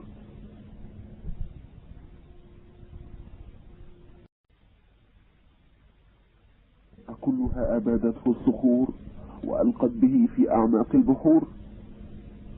كلها باد بلا استثناء. كلها باد عليه أنه قد انتهى. ومما يزيد الشجن أن اليهودي فيما ظهر منه وتحقق يأتي المال لو رد إليه الآن. ذاك مخلوق على كونه في شكل إنسان. ما رأيت في غابر أيامي أشد منه تكالبا للتنكيل بخصمه. فهو من الصباح إلى المساء. لاحق بالدود. ملح أو ملحف يتقاضى شرطه. مجاهر بأنه لا يبقى للعدل في الحكومة. معنى إذا لم يستفي حقه وقد خطبه عشرون من التجار كما خطبه الدوق نفسه. والملأ الأكرمون من الأعيان ليعتدل في أربه ويعدل عن طلبه فأبى مصرا ولم يتمكنوا من تليين قلبه الجافي المليء بالضغم. عندما كنت معه سمعته بحضرة طوبال يهمس لمشايعيه في الدين يقول إنه يؤثر البضعة من لحم أنطونيو على عشرين ضعفا للقدر الذي أقرضه إياه. وأنا متحققة من أن أنطونيو المسكين إذا لم يؤازره القانون أو أولياء الحل والعقد لم يفلت من مخالب الخطر. بيرسيا أذلك الرجل الواقع في هذه الأزمة الشديدة حبيب إليك عزيز عليك؟ هو أصفى إخواني وأوفى أخداني. هو في الرجال الأشهم الأمجد الأكرم الأعود هو الإنسان الذي تتراءى فيه الروح الرومانية أصفى ما كانت وأنقى ما هي كائنة في نفس إنسان من بني إيطاليا. ما الذي عليه لليهودي يا باسانيو عليه ثلاثة آلاف دوقي أخذتها أنا. أهذا كل المقدار؟ اردد إليه ستة آلاف. وليمزق ذلك الخط. ضاعف له هذا الزهاء أو أعطه ثلاثة أمثاله حرصا على شعرة من رأس صديق كهذا أن تضيع لأجل باسانيو اصحبني بعد هنيها إلى الكنيسة لتتخذني عروسا لك. ثم اذهب من فورك إلى البندقية لإسعاف صاحبك. إذ أن بيرسيا لا ترضى إقامتك بجانبها ونفسك قلقة. وأيما مبلغ من الذهب وجب لإيفاء ذلك الدين الصغير حتى لو أربى على أصله عشرين ضعفا حمل إليك بلا إبطاء. فإذا قضيت هذا الحق عدت بصاحبك لنأتنس به وفي خلال هذه المدة سأعيش أنا ونيرسيا عيشة بتولين وأيمين هلم بنا؟ وإذ كان قد تحتم عليك هذا السفر في يوم عرسك فلا يصدك ذلك عن الهشاشة لإخوانك ولا يروا منك إلا وجها ضحوكا.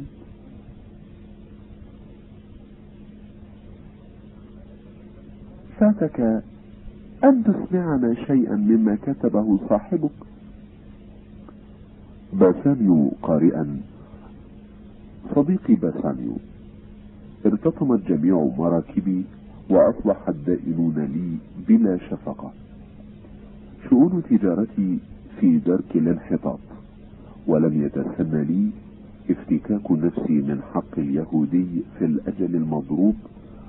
ولما كنت لا أستطيع التحرر مما علي إلا أن أفتدي الدين بحياتي عولت على ذلك مبرئا ذمتك من كل ما تسلفته مني راجيا أن أراك قبل وفاتي وما أكلفك المجيء إلا تبعا للتيسير وعلى أن يكون باعثه وحي الصداقة إليك لا تثقيل هذا الكتاب عليك. أي حبيبي تجهز عاجلا وسر. أما وقد أذنتني بالسفر فإني لمبادر ولن آوي إلى مضجع أو ألتمس شيئا من الراحة فيعوقني أدنى عوق عن سرعة الرجوع. يخرجون جميعا إلى بيرسيا ونيرسيا وبالتزار. المشهد الثالث البندقية جادة. يدخل شايلوك. سالانيو أنطونيو وسجان. شايلوك. سجان احرص علي. لا تلتمس مني رحمة. هذا هو الأبله الذي كان يقترض النقود احتسابا. سجان إياك أن يفلت. أنطونيو تفضل بالسهو إلي أيها السميح شايلوك. أتقاضى حقي ولا أريد أن أسمع كلاما في هذا المعنى. أقسمت إلا ما تنجزت حقي. لقد كنت تدعوني كلبا بلا ذنب. فإن كنت كالكلب الذي تصفه فاصبر. سينصفني الدوج من العجب أيها السجان البليد أنك تلين له هذه الليونة وتخرجه من معتقله إجابة لملتمسه. أتوسل إليك أن أن تسمعني. أطلب حقي ولا أرعيك سمعي. حسبك براعة لا تفيد. لست من أولئك الأغبياء الذين إذا استعطفوا هزوا رؤوسهم ونفسوا كربهم بتصعيد أنفاسهم ثم أجابوا النصارى إلى رغائبهم. دع متابعتي لن أستمع لك إنما أتقاضى حقي. يخرج. سالانيو لم يرزق الناس في معاملاتهم بأظلم من هذا الضاري أنطونيو أعد عنه. حسبي لحاقا به وتضرعا إليه بغير جدوى. يبغي حياتي وأعرف السبب في ذلك فهو ينتقم لإنقاذي من مخالبه غير واحد من المقترضين الذين استعانوا بي عليه وهذا سر بغضائه. سالانيو يقيني أن الدوغ لا يأذن بإنفاذ تعهد كهذا. لا يستطيع الدوغ منع القانون من الجري في مجراه. فإذا أرادت الحكومة في تأويله أساء الأجانب ظنهم بعدلها وخشوا على الامتيازات المخولة لهم. فكان في ذلك خطر على مدينة كالبندقية قوام ثروتها تجارتها مع الأمم الأخرى لننصرف. إن أحزاني ومصائبي قد شفتني حتى لا أعلم إن كانت قد أبقت لليهودي القدر الذي سيتقاضاه غدا من لحمي. سر بي أيها السجان. سر بي عسى الله أن يرسل إلي باسانيو فأراه ويراني وافيا دينه فأموت عندئذ راضيا. المشهد الرابع بليمنت مزارة في قصر بورسيا. تدخل بورسيا ونيريسا ولورينزو وجيسيكا وبالتازار لورينزو أجرؤ أن أقول بحضورك إن رأيك في الصداقة الخالصة رأي صادق شريف. وإنك قد أيدته بتحملك فراق زوجك في مثل هذا اليوم. ولكنك لو عرفت من الرجل الذي تسدينه هذا المعروف وما شرفه ومودته لقرينك لكنت أشد افتخارا بهذه المنة منك بأية منة أوليتها من قبل. لم أندم مرة على الإحسان.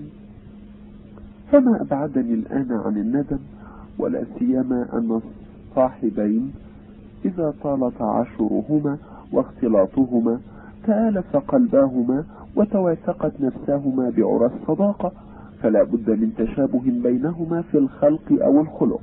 ومن ثم اعتقدت أن أنطونيو هذا لابد أن يكون على شاكلة زوجي بسبب ما بينهما من متين العلاقة فالثمن الذي اشتريت به من القسوة الجهنمية ذلك الصديق المخلوق على مثال زوجي لا يكون إلا بخسا لكن أراني استدرجت إلى ما يشبه التمدح.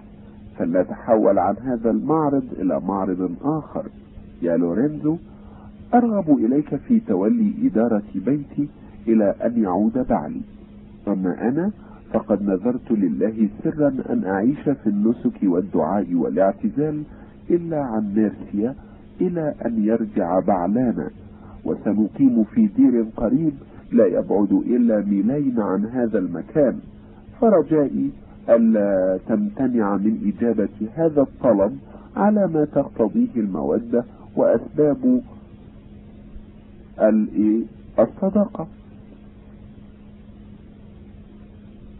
أوافق على ما تريدينه يا سيدتي بكل قلبي وما أطلعني لأمرك في كل أمر مشروع. سأمر أتباعي أن يكونوا منذ الساعة رهن إشارتك كأنك باسانيو ورهن إشارة جيسيكا كأنها أنا. أستودعكم الله في صحة ونعمة إلى أن نلتقي. منحك الله صفاء البال وصفاء الوقت. أرجو لك يا سيدتي قرة العين ومسرة الفؤاد. أدعو لكما بمثل ما دعوتما لي. أراك بخير. أراك بخير يا جيسيكا؟ تخرج جيسيكا ولورينزو. بيرسيا. إليك خطابي الآن يا بلتزار أود لو وجدتك اليوم على ما عهدته فيك من الوفاء والمضاء في الامتثال. فاحمل رسالتي هذه بأسرع ما يستطاع إلى مدينة بادوا إلى ابن عمي الدكتور بيلاريو. فإذا سلمته إياها يدا بيد فتسلم منه الأوراق والملابس التي يعطيكها وجئ بها كلمح الطرف إلى مرسى السفينة التي تدول عادة بين القارة والبندقية. لا تضع وقتا في الكلام بل سافر وسأسبق إلى الموعد. سيدتي سأبادر جهد المبادرة. تقدمي يا نيرسيا أنا عازمة على أمور ما زلت تجهلينها. تعلمي أننا سنلقى زوجينا قبل الوقت الذي يظنان. وهل يبصراننا؟ بلا ريب يا نيرسيا ولكن في زي يوهم أننا غير منقوصتين ما نقصته أجسام النساء. بمعنى أننا متى لبسنا لبس الفارسين الشارخين راهنتك على ما تشائين إنني سأتقلد خنجري بلباقة لا يستطيعها الرجل. وسترين كيف أرقق حينئذ صوتي فأجعله ناعما كصوت الغلام المراهق وكيف أحول هذه المشية الحيية إلى مشية الذكر المتباهي؟ وكيف أتكلم عن مشاجراتي؟ تكلم يافع جميل فخور. وكيف أستدر الأكاذيب من حاضر الذهن؟ فأحسن قصصها ذاكرا العقائل العفيفات. اللائي افتتن بحبي والخرائد المصونات اللائي مرضن أو متن من جفائي إذ لم يكن في وسعي أن أكفيهن جميعا. مبديا أسفي على اللواتي قضين نحبهن من أجلي متفننا في تفصيل أمثال هذه الغرائب والعجائب حتى لا يحلف الرجال الذين يسمعون مني تلك الأقوال أنني لم أفارق المدرسة إلا لعام أو بعض عام خلا نيرسيا آه، على هذا سنقضي حينا في مخالطة الرجال. أف منك وبئس السؤال. لو كان هنا أجنبي لأساء الظن بطهارة نيتنا هلمي بنا إلى الكنيسة لإتمام العقد ثم أشرح لك مقصدي في الطريق. وإن أمامنا لمسيرة عشرين ميلا البدار. تخرجان. المشهد الخامس. المكان عينه حديقة. يدخل لانسلو وجيسيكا. أه نعم والحق ما أقول. ذلك أن خطايا الوالد تقع على الولد ولهذا أخبرك عن يقين أنني أخاف عليك جد الخوف وقد جرت عادتي أن أصارحك بفكري كل فكري. فأنت على علم لا ريب فيه أنك هالكة النفس وليس بباق لك سوى رجاء غير جدير بالذكر رجاء لقيط. وأي رجاء هو؟ أتفصح عنه ولك الفضل؟ هو أن تأملي أنك لست من صلب أبيك أي أنك لست ابنة اليهودي. عندئذ يكون رجائي لقيتا كما ذكرت وإذا تعلق بي تبعات خطايا والدتي. أنا وما أحدثك إلا بالصدق. أخشى أن تكوني هالكة من جهة الأب ومن جهة الأم معا. فإذا أردت لك النجاح من ناحية الصخر أبيك وقعت بك في ناحية الهوة أمك فأنت بتمام الراحة هالكة من هنا ومن هناك. ولكن يخلصني زوجي الذي جعلني نصرانية. إنه لجدير باللوم المضاعف على فعله هذا. لقد كنا نحن النصارى أكثر عددا مما تقتضي الحال وكنا بحيث لا يكاد الواحد منا يكفي أخاه. فهذا التهافت على الاستكثار من المسيحيين سيغلي أثمان الخنازير. وإذا أصبح الناس جميعا أكلة خنازير فلسوف يأتي وقت لا يتسنى لأحد فيه أن يحصل على كربونات. يدخل لورينزو.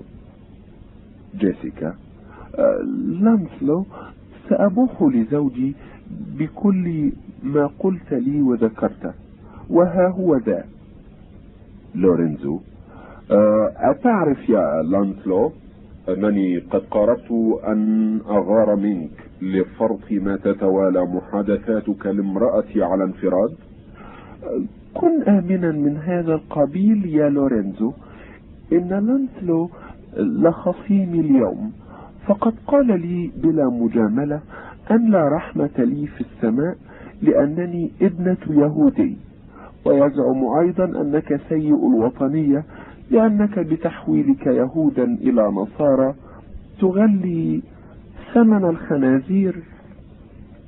لورينزو أه سيكون أسهل علي أن أبرأ من هذا الذنب لدى مواطني مما يسهل عليك أن تبرأ من إحبالك جارية سوداء. يحتمل ألا تكون الجارية السوداء على الحالة التي ينبغي أن تكون عليها. ولكنها إذا كانت قد نقصت شيئا عما يجب أن تكون المرأة العفيفة فقد زادت شيئا على ما كان عهدي بها. ما أيسر لعب الحمقى بالألفاظ؟ أظن أنه لا يمضي زمن حتى يصير السكوت هو العقل والكلام هو ما يليق بالببغاوات. اذهب أيها الهزأة. وقل لحشمنا أن يتأهبوا للعشاء. المائدة ستهيأ والأطعمة ستوضع. وأما أن تذهب لتناول الطعام فهذه مسألة أدع لك حلها كما ترى. ما أعجب هذا الإدراك؟ وما أغرب تصفيف هذه العبارات بهذه البراعة؟ هذا الأبلة قد جمع في ذهنه جيشا من النكات وأعرف غير واحد من علية أهل المناصب محشوين مثل هذا الحشو وينطقون شمالا ويمينا بمثل هذه المهاترات. دعينا من هذا يا جيسيكا وقولي كيف أنت يا حبيبتي؟ وما رأيك في قرينة باسانيو؟ فوق ما تصف الكلم.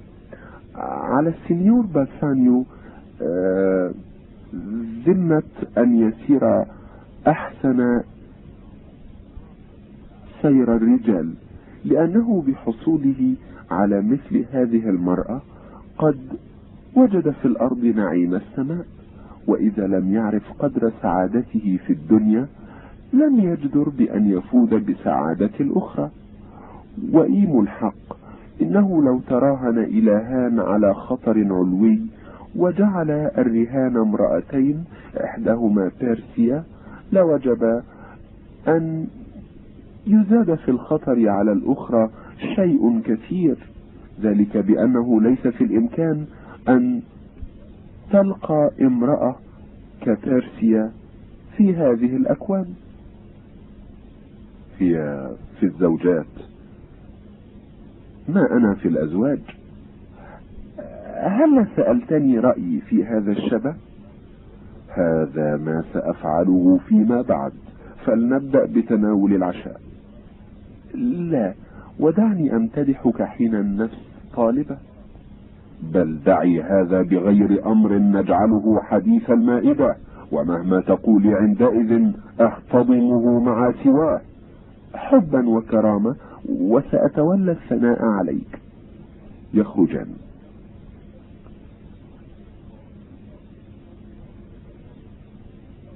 الفصل الرابع المشهد الأول. البندقية دار عدل. يدخل الدوج والأعيان وأنطونيو وباسانيو وجراتيانو وسالارينو وسالانيو وآخرون. الدوج هل أنطونيو هنا؟ أنطونيو آه ها أنا ذا آه رهين بأمر سموكم.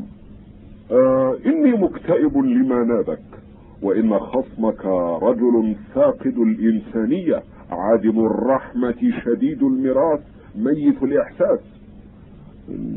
نما إلي أنكم بذلتم كل مجهود لاستعطافه. فما ازداد إلا جفوة ولما كان مستمرا في عناده وكان القانون لا ينجيني من مخالب حقده وطنت نفسي على الصبر لمحنته وتهيأت بجلد لما ترميني به نفسه الخبيثة من الرزايا. ليدعى اليهودي ويمثل لدى المحكمة. سالانيو؟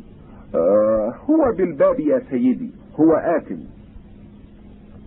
يدخل شايلوك. الدوج افتحوا له فنراه ويرانا مواجهة. شايلوك. يظن غير واحد وأنا من أصحاب هذا الظن أنك مصر على ما توحيه إليك البغضاء حتى الدقيقة الأخيرة.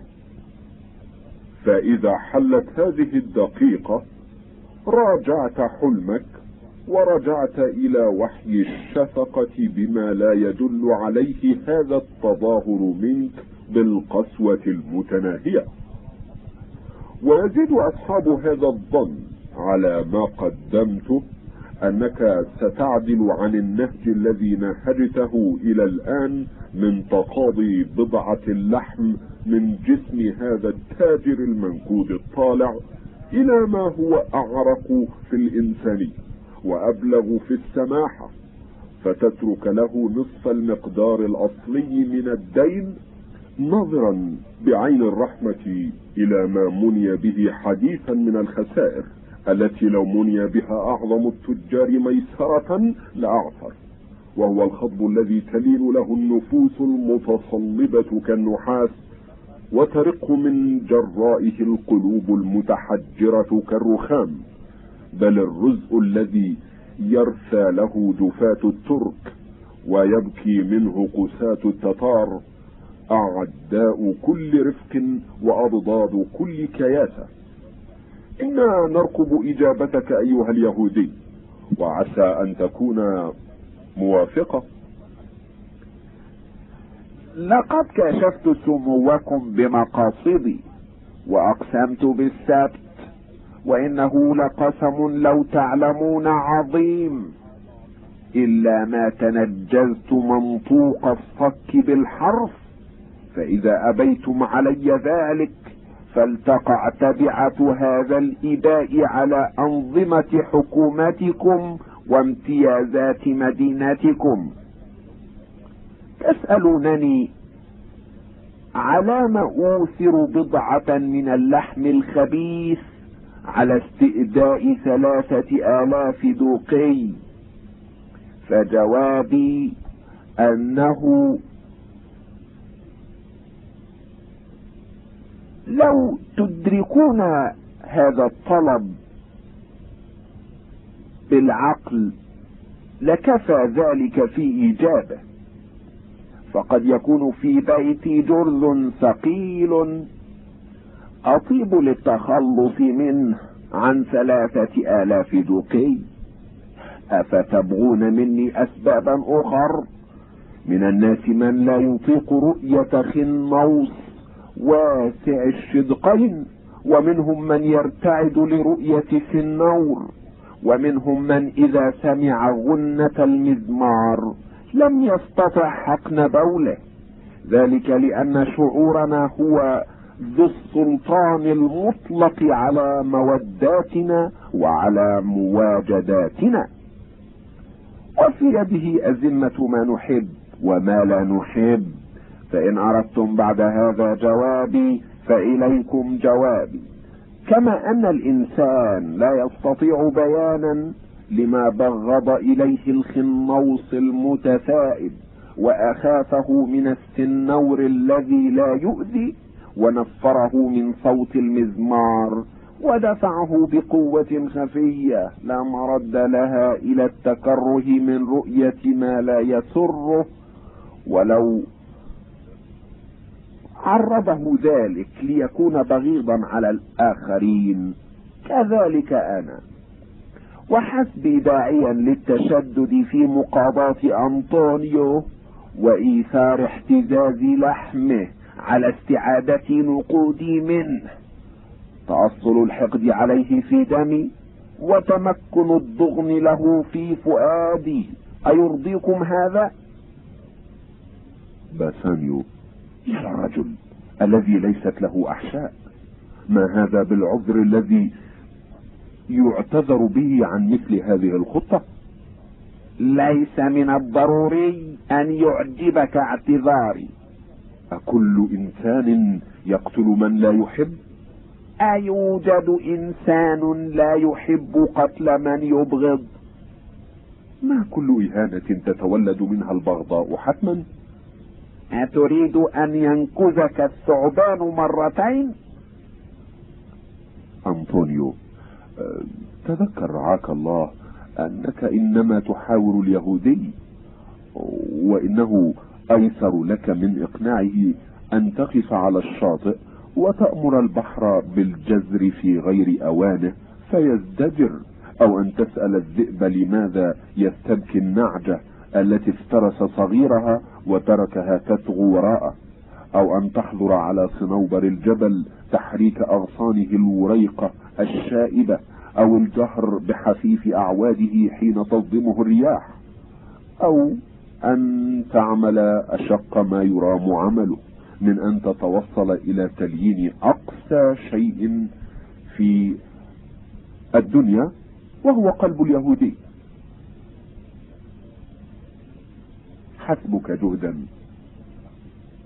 وليصدر علي الحكم وشيكا ولتكتمل مشيئة اليهودي. باسانيو هذه ستة آلاف دوقي بدلا من ثلاثة آلاف. لو قسم كل من هذه الدوقيات إلى ستة أقسام وصار كل قسم دوقيا لما رضيت بها عوضا ولا ابتغيت إلا إنفاذ الشرط الدوب أية رحمة يجوز لك أن ترجوها وأنت لا ترحم؟ ماذا أخشى وأنا لم أصنع شرا؟ للأكثرين منكم أرقاء اشتريتموهم بالأموال وتستخدمونهم استخدامكم لحميركم وكلابكم وبغالكم في أعمال حقيرة سافلة. بعذر أنهم مما ملكت أيمانكم بالشراء. فلو قلت لكم اعتقوهم وزوجوهم من بنيكم أو بناتكم على ما هم موقرون بالأحمال لتكن أفرشتهم وثيرة كأفرشتكم ولتكن أطعمتهم شهية كأطعمتكم لأجبتموني هؤلاء الأرقاء هم ملكنا وهذا عين ما أجيبكم به فإن بضعة اللحم التي أطلبها من هذا الرجل قد ابتعتها بثمن غال وهي لي وإياها أقتضي فإن أبيتموها علي لم تجدر قوانينكم بعد ذلك إلا بالازدراء. ولم ترج طاعة بعد لأوامر البندقية ونواهيها. إني لأرقب حكمكم تكلموا. أنظر بذلك الحكم.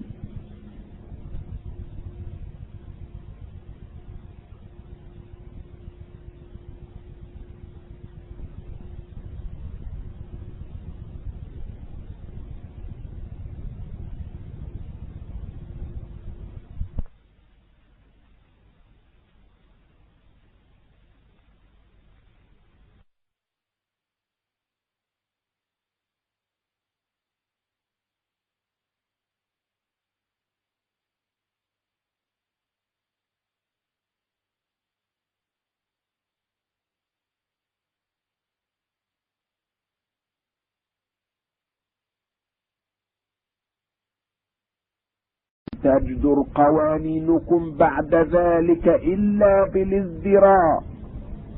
ولم ترجى طاعة بعد لأوامر البندقية ونواهيها. إني لأرقب حكمكم. تكلموا أنظر بذلك الحكم. الدوق. أه سأمر وعلى العهدة بإرجاء الدعوة. إلا إذا وفد اليوم العلامة بيلاريو الذي بعثنا في طلبه لنسمع منه الرأي الفصل في هذه المعضلة. سالارينو مولاي بالباب رسول من بادوا يحمل ألوكا من ذلك الأستاذ.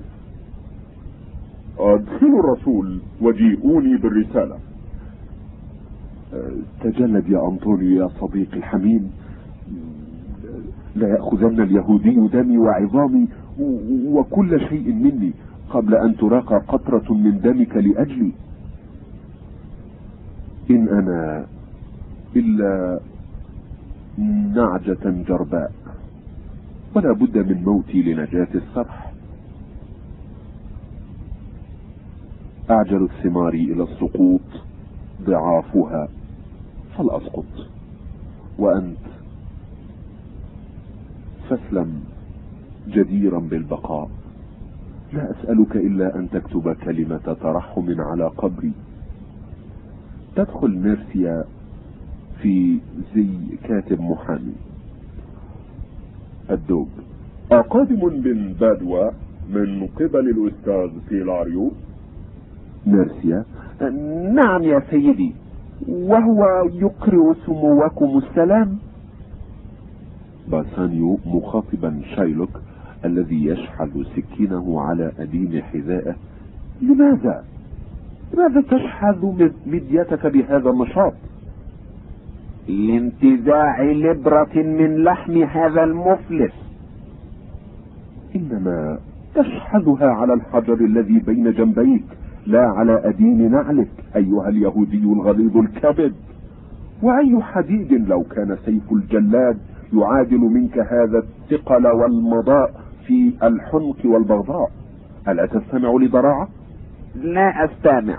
وخصوصا لضراعة من من هو في مثل فكرك الثاقب ويك اذهب لعينا أيها الكلب الجهنمي العقور ولتكن حياتك شكاية من العدل تكاد تزعزع إيماني وتدخل على عقيدتي قول فيثاغور إن نفوس البهائم تنتقل إلى جسوم الناس فإن روحك ولا ريب كانت في ذئب أماتوه شمقا لافتراسه إنسانا. فانطلقت تلك الخبيثة هائمة حتى انتهت إليك وأنت في بطن أمك الثعلى ذلك لأن بك ما بالذئب من النهمة إلى اللحم والظمأة إلى الدم. ما دام قذعك وسبابك لا يمحو التوقيع عن الصد فأنت تتعب رئتيك في باطل. أيها الفتى أصلح ما اعتور عقلك من الترف لئلا تقع في خبال عقام. هنا القانون حليفي. الدوق. إن فيلاريو في ألوكه هذا. يوصي المحكمة بأستاذ مقتبل الشباب عليم أين هو؟ نيرسيا ينتظر على مقربة ينتظر إن سموكم بالدخول. آذنه بارتياح ليبادر ثلاثة أو أربعة منكم إلى ملاقاته. وليصحبوه في المجيء بصنوف الحفاوة. ولتقرأ في هذه المهلة ألوكة بيلاريو. المحضر قارئا. أرفع إلى علم سموكم أنني كنت معتلا حين تناولت الكتاب الكريم إلا أنه اتفق ساعة قدوم رسولكم أن عاندني صديق في ريعان الشباب متضلع من الحقوق. ثني المنزلة بين علماء روما يدعى بلتازار.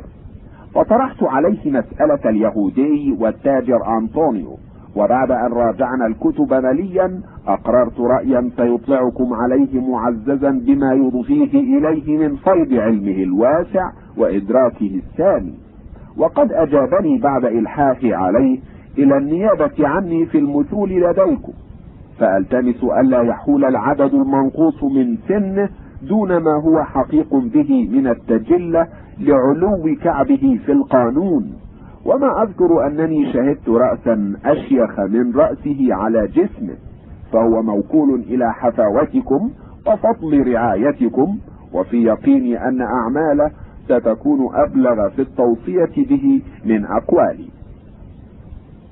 أه سمعتم ما ذكره العلامة بيلاريو وهذا نائبه الفاضل إن صدق تخميني.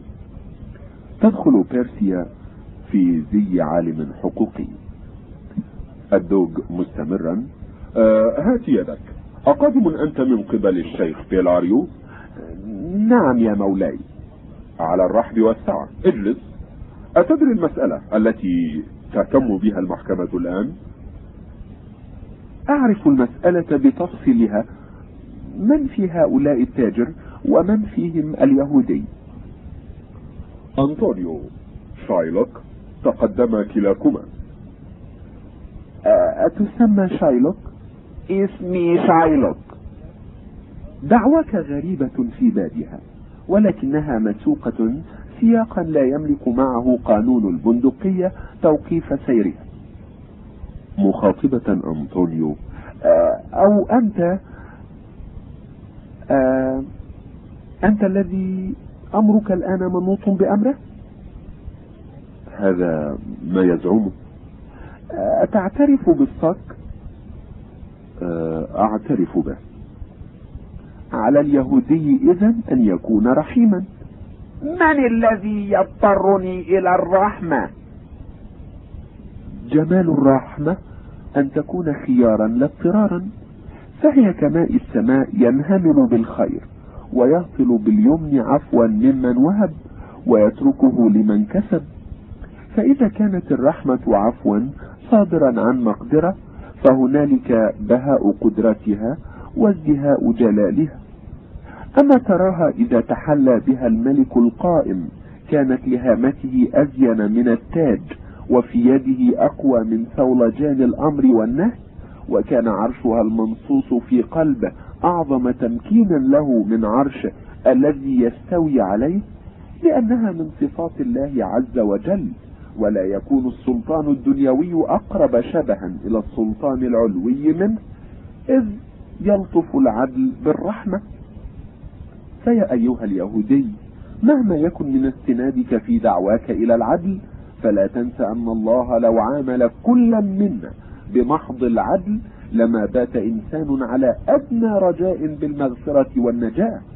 لهذا نستغفر الله كل يوم في أدعيتنا وكما نستميحه العفو يجب علينا أن نكون من العافين عن الناس. إنما خاطبتك هذا الخطاب لأنبهك إلى ما في طلبك من التغالي بل الإغراق في التقاضي. فإن لبثت على إصرارك مع هذا فلا يسع المحكمة إلا الامتثال لما يوجبه القانون من عقوبة هذا التاجر. لتقع تبعة أعمالي على رأسي. أتشبث بالقانون وألح في إنفاذ شرطي. أليس في طاقته أن يوفي الدين؟ باسانيو بلى في طاقته. وأنا مستعد لأدائه في هذه الحضرة. بل لأداء مثليه. فإن لم يكتفي تعهدت بعشرة أمثال المطلوب. تعهدا أفاد عليه بساعدي ورأسي وقلبي. فإن لم يكتفي تبين إذا أن العوج يدول مع الاستقامة أو أن الرذيلة ترهق الفضيلة.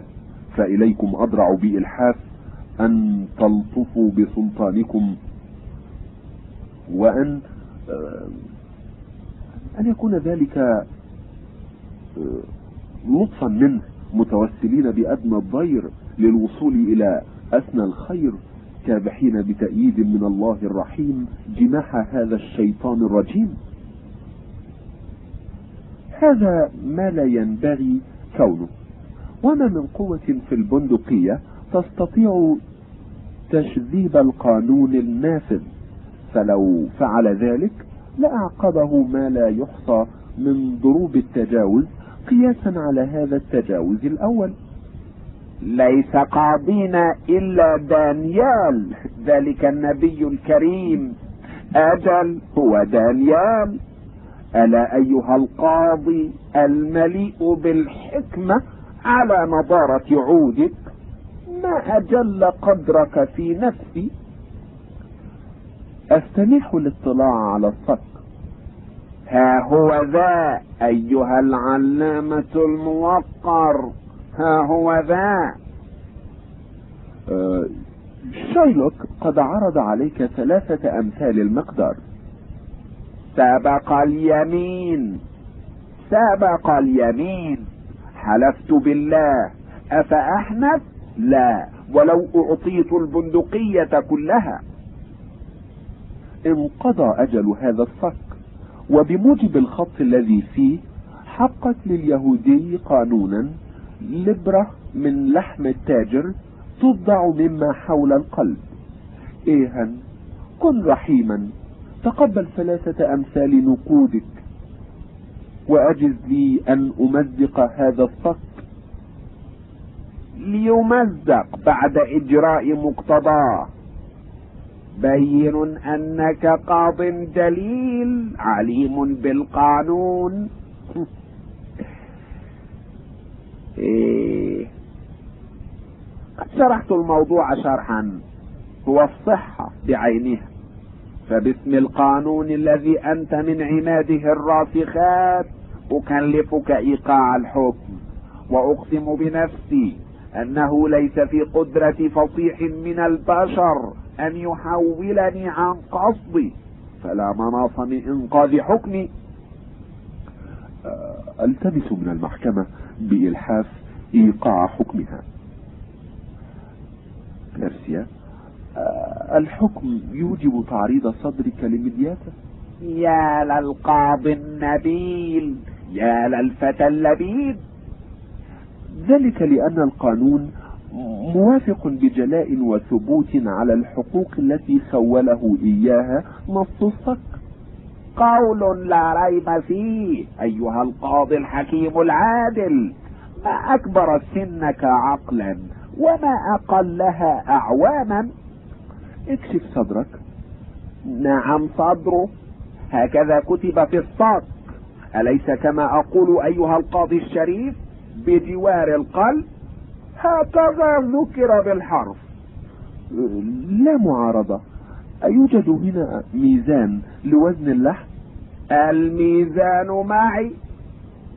يجب أيضا أن يكون هنا جراح على نفقتك يا شايلوك مخافة أن يموت الخصم من شدة انتزاف دمه. أهذا وارد في الصك؟ لم يرد في الصك ولكنه عمل إنساني يحسن بك أن تعمله لا أرى ما ترى وما لذلك ذكر في الصك إذا أيها التاجر ألك أقوال؟ أنطونيو شيء غير كثير. أنا متأهب وصابر. هات يدك يا باسانيو وتلقى وداعي. لا يحزنك أن صرت هذا المصير من أجلك. فإن المقادير قد رفقت بي رفقا ليس من مألوفها في مثل مصابي. فمن مألوفها أن تبقي من فقد جاهه حيا غائر العينين مثقل الجبين بالغضون. يتوقع شيخوخة البؤس والفاقة. أما أنا فإنها أنقذتني من هذا العذاب الطويل وغاية ما أرجو أن تذكرني بخير لدى عروسك المشرفة وتخبرها كيف كانت نهاية أنطونيو. وتصف مبلغ حبي لك وتبثها بثك مما ألم بك حين شهدت ميتتي. فإذا فرغت من ذلك أن تسألها ألم يكن لي صديق؟ ثم ألا تعاتب نفسك على وفاة ذلك الصديق؟ فإنه غير آسف على إبرائك من دينك.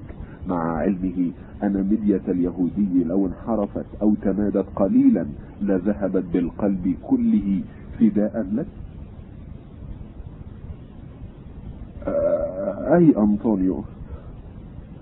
لقد شاركت في حياتي امرأة أهواها كهواي كهواي للحياة.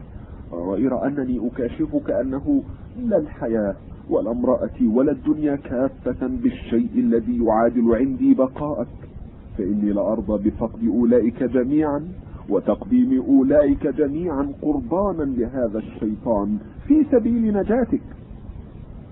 بيرسيا لو سمعتك زوجك لما أعجبها هذا العرض الذي تعرضه. جراتيانو آه، لي عروس أحبها كل الحب. وتالله لو علمت أنها بانتقالها إلى السماء وبشفاعتها يلين قلب هذا اليهودي الوحشي لسخوت بها.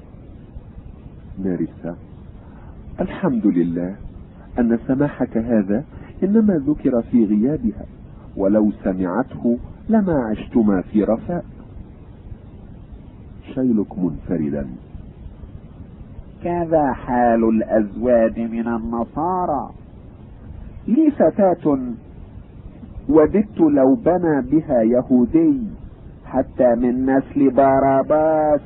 لا مسيحي كائنا من كان. نحن نضيع الوقت. تفضلوا انطقوا بالحكم. حق لك رطل من لحم هذا التاجر. فخذ ما ثبت لك بموجب القانون وبأمر المحكمة. يا لك من قاض عادل ثم لك أن تقتطع الرطل من صدره بموجب القانون وأمر المحكمة. يا للقاضي العالم كذا الأحكام تأهب. رويدك لم نستوفي الحكم. الصك لا يجيز لك استنزاف قطرة من الدم بل نصه بالحرف من اللحم فخذ إذا ما هو لك خذ رطل اللحم ولكن إذا سفكت عند اقتطاعها نقطة دم واحدة من دم مسيحي قضى عليك قانون البندقية باستصفاء أملاكك وأموالك ومآلها إلى الحكومة. يا للقاضي المنصف ما قول اليهودي؟ يا للقاضي العلامة. أهذا ما يقوله القانون؟ سنطلعك على النص لأنك طالب عدل فلن نرجع في الحكم إلا إلى العدل. أدق ما يكون العدل. يا للقاضي العليم ما قول اليهودي؟ يا للقاضي الفضيل. أما والحالة هذه فأنا أقبل ما عرض علي. ليدفع إلي ثلاثة أمثال القدر ويطلق سراح النصراني. النقود مهلا. سينصف اليهودي كل الإنصاف. مهلا لا تتعجل. سيعطى حقه جراتيانو يا يهودي املي أن يكون هذا القاضي عادلا وعالما كقولك؟ بيرسيا أه تأخذ اذا لانتزاع البضعة بلا إراقة دم. واحرص أن تقتطع الرطل لا زيادة ولا نقصانا. فإذا وجد فرق ولو لم يكن إلا عشر معشار الذرة أو لم يكن إلا مثقال شعرة في رجحان كفة من الميزان على الأخرى قتلت وصودرت أموالك. جراتيانو هذا دانيال ثان هذا دانيال يا يهودي. الآن قد أمسكت بتلابيبك كارسيا ماذا تنتظر أيها اليهودي؟ خذ حقك. أعيد إلي أصل قرضي وأنصرف. باسانيو هو معد لك. ها هو ذا. بيرسيا أباه على المحكمة فلا بد من أخذه الحق الذي تقاضى دون سواه كنص القانون بالتدقيق. جراتيانو دانيال بعينه دانيال ثامن. أشكر لك تعليمي هذه اللفظة. ألا يرد علي أصل مطلوبي لن تأخذ يا يهودي إلا ما هو لك فتناوله وعليك تبعاته. إن كان الأمر كذلك فليحتفظ به ولينصرف عني إلى جهنم. لن أطيل الإرغاء في هذا المعنى. على رسلك أيها اليهودي لم ينتهي الحكم بعد وإن في القانون لبقية تعنيك. فقد جاء فيه أنه إذا ثبت على أجنبي توسله بوسائل مباشرة أو مداورة للقضاء على حياة واحد من الأهلين حق للمشروع في الجناية عليه نصف ما يملكه الشارع في الجريمة وللحكومة النصف الآخر وجعلت حياة المأخوذ بالذنب رهن إشارة الدوج بانفراده فأنا أجهر بأنك تحت طائلة هذا النص لأنك ظهر جليا أنك بوسائل منحرفة ومباشرة تآمرت على حياة المدعى عليه وأوجدت على نفسك ذلك العقاب فجث والتمس رحمة الدوج جراتيانو استأذن بأن تنصرف فتقضي على نفسك شنقا. ولما كانت أموالك قد آلت إلى الحكومة ولم يبق لديك ثمن الحبل تشتريه فمماتك سيكون على نفقة الجمهورية. الدوب إني أمنحك الحياة قبل أن تلتمسها منه لتعلم الفرق بيننا وبينك. وإذا أبديت ندما على ما فات منك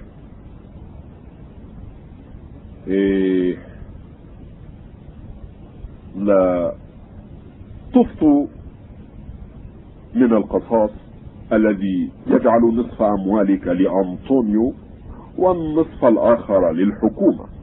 فحولت الشطر الثاني منه إلى غرامة فحسب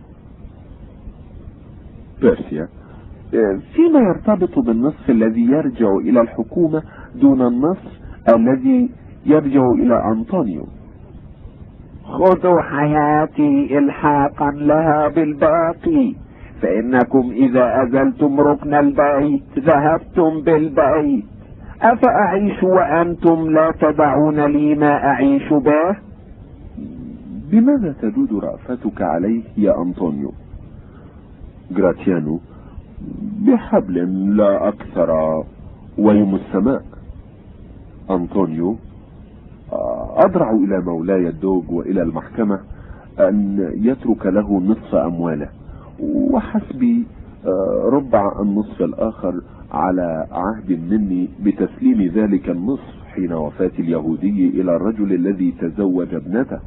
ولي على تحقيق هذا العهد شرط. هو أن يوقع الآن بحضرة المحكمة على صك يخرج به عن كل مال في حوزته يوم وفاته لصهره لورينزو وكريمته. الدوق ليفعل أو أسترد عفوي. بيرسيا أتقبل أيها اليهودي بما تجيب؟ أقبل. أيها المحضر حرر صك الهبة من ثورك تكرموا وأذانوا لي بالانصراف. فقد انهد عزمي ومتى جاءني الصك أمضيت. لك أن تنصرف ولكن إياك الا توقع.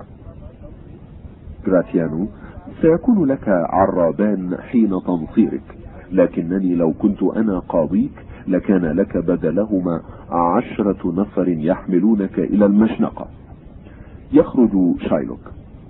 الدوج مخاطبا بيرسيا. أرجو يا سنيور أن تجيب دعوتي إلى العشاء الليلة.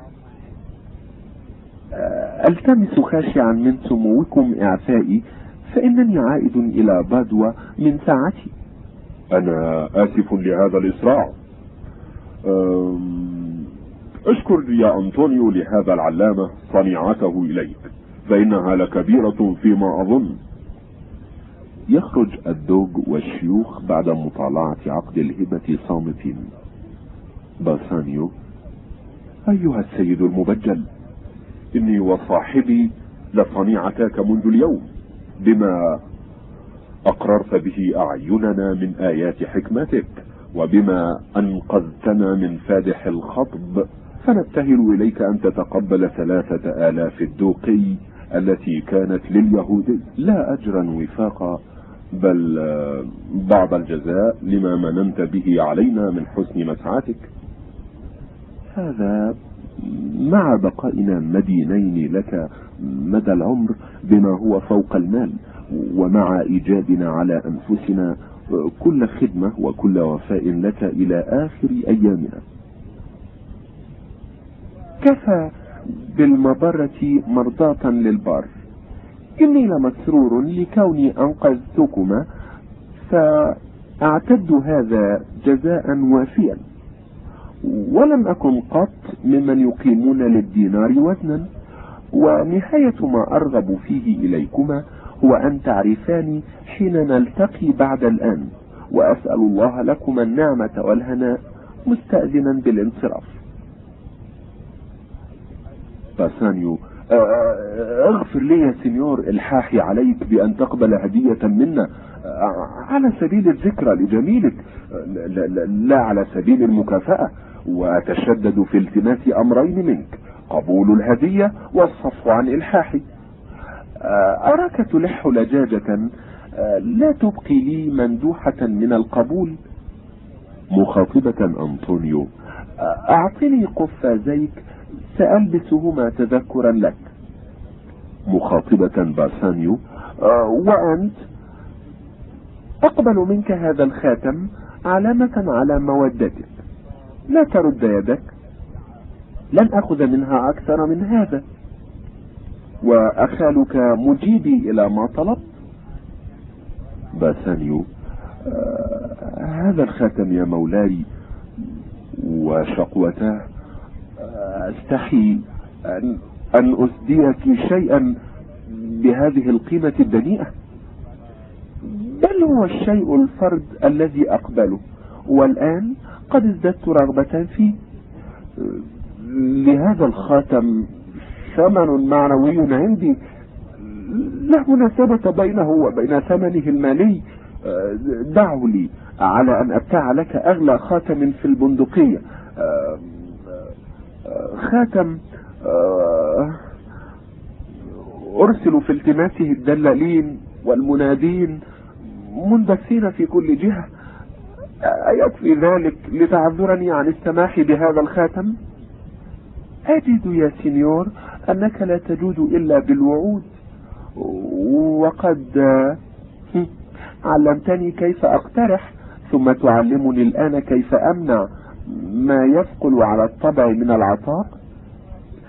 إني سيدي متشبث بهذا الخاتم لأن امرأتي قد وهبتني إياه واستحلفتني حين وضعته في إصبعي ألا أبيعه ولا أسمح به ولا أفقده.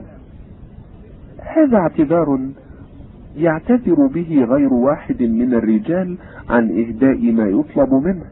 إلا أنني أعتقد أن امرأتك إذا علمت بما فعلته لاستحقاق هذه الهبة لم يبغضها تخليك عن الخاتم في الحد الذي تتصوره إلا إذا كان بها مس من الجنون.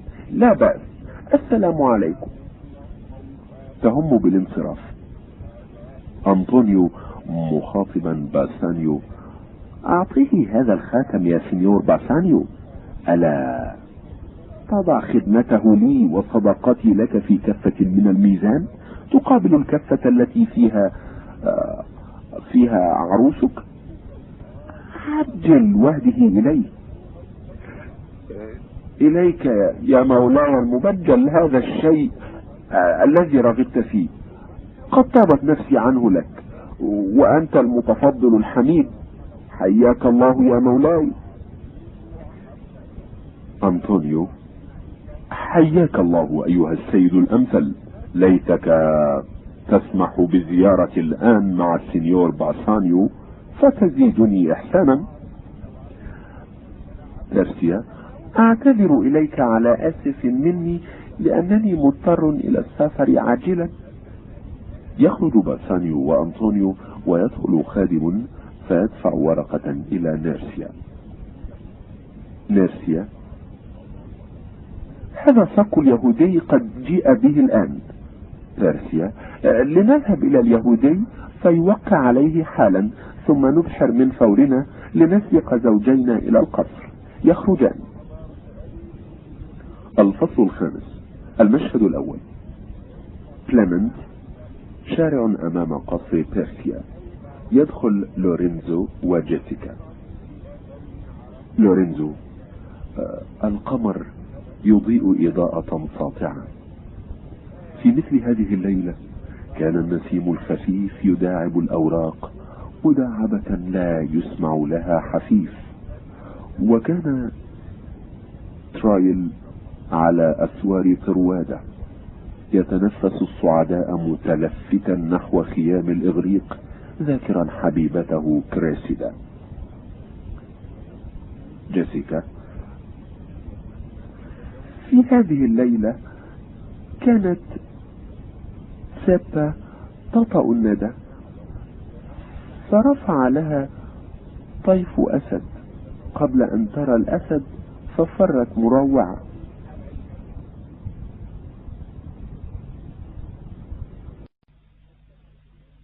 ففرت مروعة. في مثل هذه الليلة كانت ديدون وبيدها غصن صفصاف واقفة على شاطئ البحر تنادي عشيقها وتشير إليه أن يعود إلى قرطاجنة في مثل هذه الليلة ذهبت ميديا تقصف الأنبتة السحرية التي بها تجدد شباب إيسون. في مثل هذه الليلة فرت جيسيكا من بيت اليهودي الغني لاحقة بعاشقها المخاطر من البندقية إلى بلامنت. في هذه الليلة حلف لها محبها اليافع لورينزو أن يهواها إلى آخر نسمة من حياته وقطع لها على الثبات عهودا لن يكون صادقا في أحدها. وفي مثل هذه الليلة وشت المعشوقة الماكرة الجاسكة بمحبها فغفر لها ما فرط من ذنبها. لولا سماع خطى قادم لأطلت هذه المحاورة. يدخل ستيفانو. لورينزو من الساري بهذه السرعة؟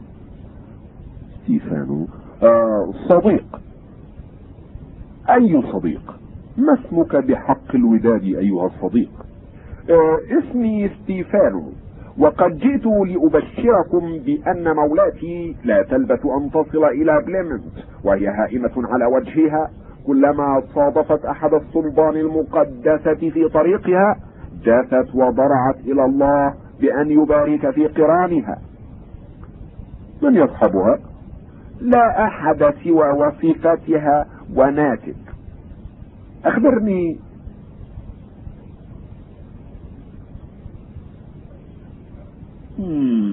لم يرد نبأ عنه إلى الآن؟ لنعد يا جازيكا إلى البيت ونهيئ لربة القصر لقاء لائقا بها. يدخل لانسلو لانسلو هيا هيا. أوه. لورينزو. من ينادي؟ هيا. أرأيت ميسيو لورينزو؟ أرأيت السيدة قرينة لورينزو؟ هو. كفى صخبا؟ ها هما. ها أين؟ أين هما؟ هنا. قل لهما إنه جاء يريد من قبل سيدي مملوء الجيوب أخبارا سارة. وسيكون سيدي في هذا المكان قبيل الفجر. يبتعد لورينزو آه هلمي ندخل يا روحي العزيزة وننتظر عودهما ولكن لا على ما الدخول قد أبلغ الصديق ستيفانو أهل القصر أن مولاتك على وشك القدوم وقد جاء بالموسيقيين إلى هذا الخلاء. ليكونوا في الهواء الطلق. يستعد ستيفانو لورينزو متمما. ما أرق ضوء القمر في انبساطه هادئا على وجه هذه المرجة الخضراء. لنجلس ونشنف آذاننا بأنغام الموسيقى فإن الظلام والسكوت أفضل مواقع الألحان. اجلسي يا حبيبتي جيسيكا. وسرح الطرف في هذا الفضاء العلوي الممدد تمديد المستوى الخشبي الصقيل وقد رصع بما لا يحصى على الصحيفات الذهبية اللامعة. ما من جرم سماوي في هذه الأجرام التي ترينها إلا وهو ضام نغمته السماوية إلى كورس الملائكة ذات العيون الملأى صبا. ومثل هذا الشجع الشائق يتردد في النفس الخالدة ولكن الكساء الضافي علينا من نسج الفساد وحمأة الصلصال يحول دون سماعنا ذلك الإيقاع. يدخل الموسيقيون. تعالوا. ولتستيقظ ديانا على أصواتكم. اطربوا بمحاسن ألحانكم مسامع سيدتكم وليجتذبها الشوق نحو مستقرها. لا أستطيع أن أكون فرحة عندما أسمع موسيقى شجية. ذلك لأن قواك تكون صاغية. انظري إلى مقنبة من المهار الوحشية الوثابة ولما تبلو ما بالشكيم والحكيم من حكم وألم تجديها مندفعة بحرارة اندفاع ما لا راد له تقرع الهواء برنات صهيلها فإذا حملت الريح إليها بغتة عزفا موسيقيا وقفت جماعة من فورها وغلب فعل النغم الذي سكنت إليه على تلك العزيمة الهمجية التي كانت تتقد في عينيها. ولهذا ادعى الشعراء وما أخطأوا أن أورفيوس كان يجذب إليه الأشجار والصخور إذ ما من مخلوق بلغ ما بلغ من البلادة وجمود الحس والهمجية إلا وللموسيقى تأثير في طبيعته.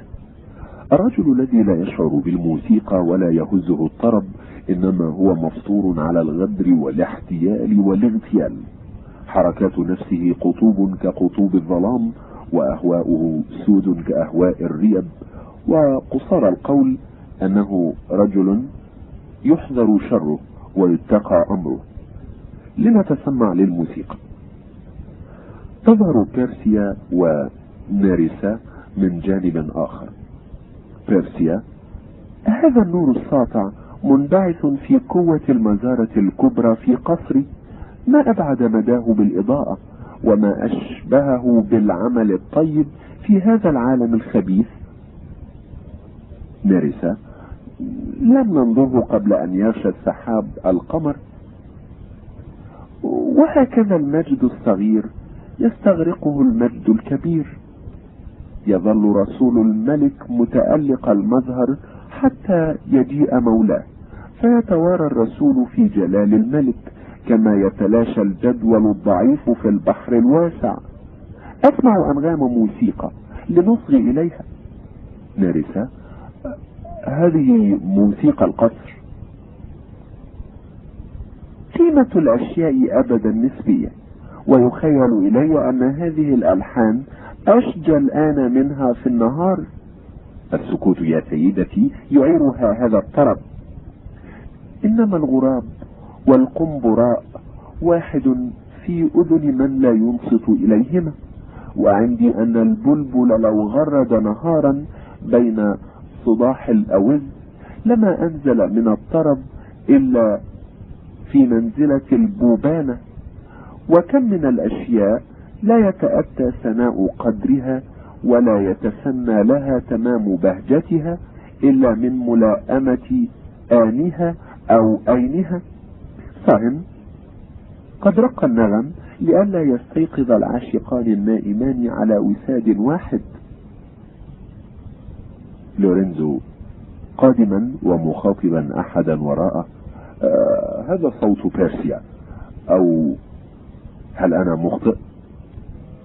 بيرسيا عرفني كما يعرف الأعمى رنة الواقتة لسوء ما تتشبه نغماتها بنغمة الطائر. آه على الرحب نزولك في دارك يا مولاتي. برعنا إلى الله استدرارا للخير على زوجينا وأملنا أن يكون دعاؤنا قد استجيب. أرجع؟ لورينزو تقدم يشير بقرب ورودهما. بيرسيا. ادخل القصر يا ميرسيا وأوصي خدمي بألا يبوحوا بغيبتنا وأنت يا لورينزو حذاري أن تفشي السر وأنت يا جيسيكا. لورينزو آه هذا معزف قرينك فهو قاب قوسين منا. نحن حفظة للعهد فلا تخشي أن نكاشف أحدا بما في الضمير. يكاد الليل وهذا إقماره يشبه بالنهار. غشيت السحب شمسه فبدا في حلة من البهار. يدخل باسانيو وأنطونيو وجراتيانو وأتباعهم. باسانيو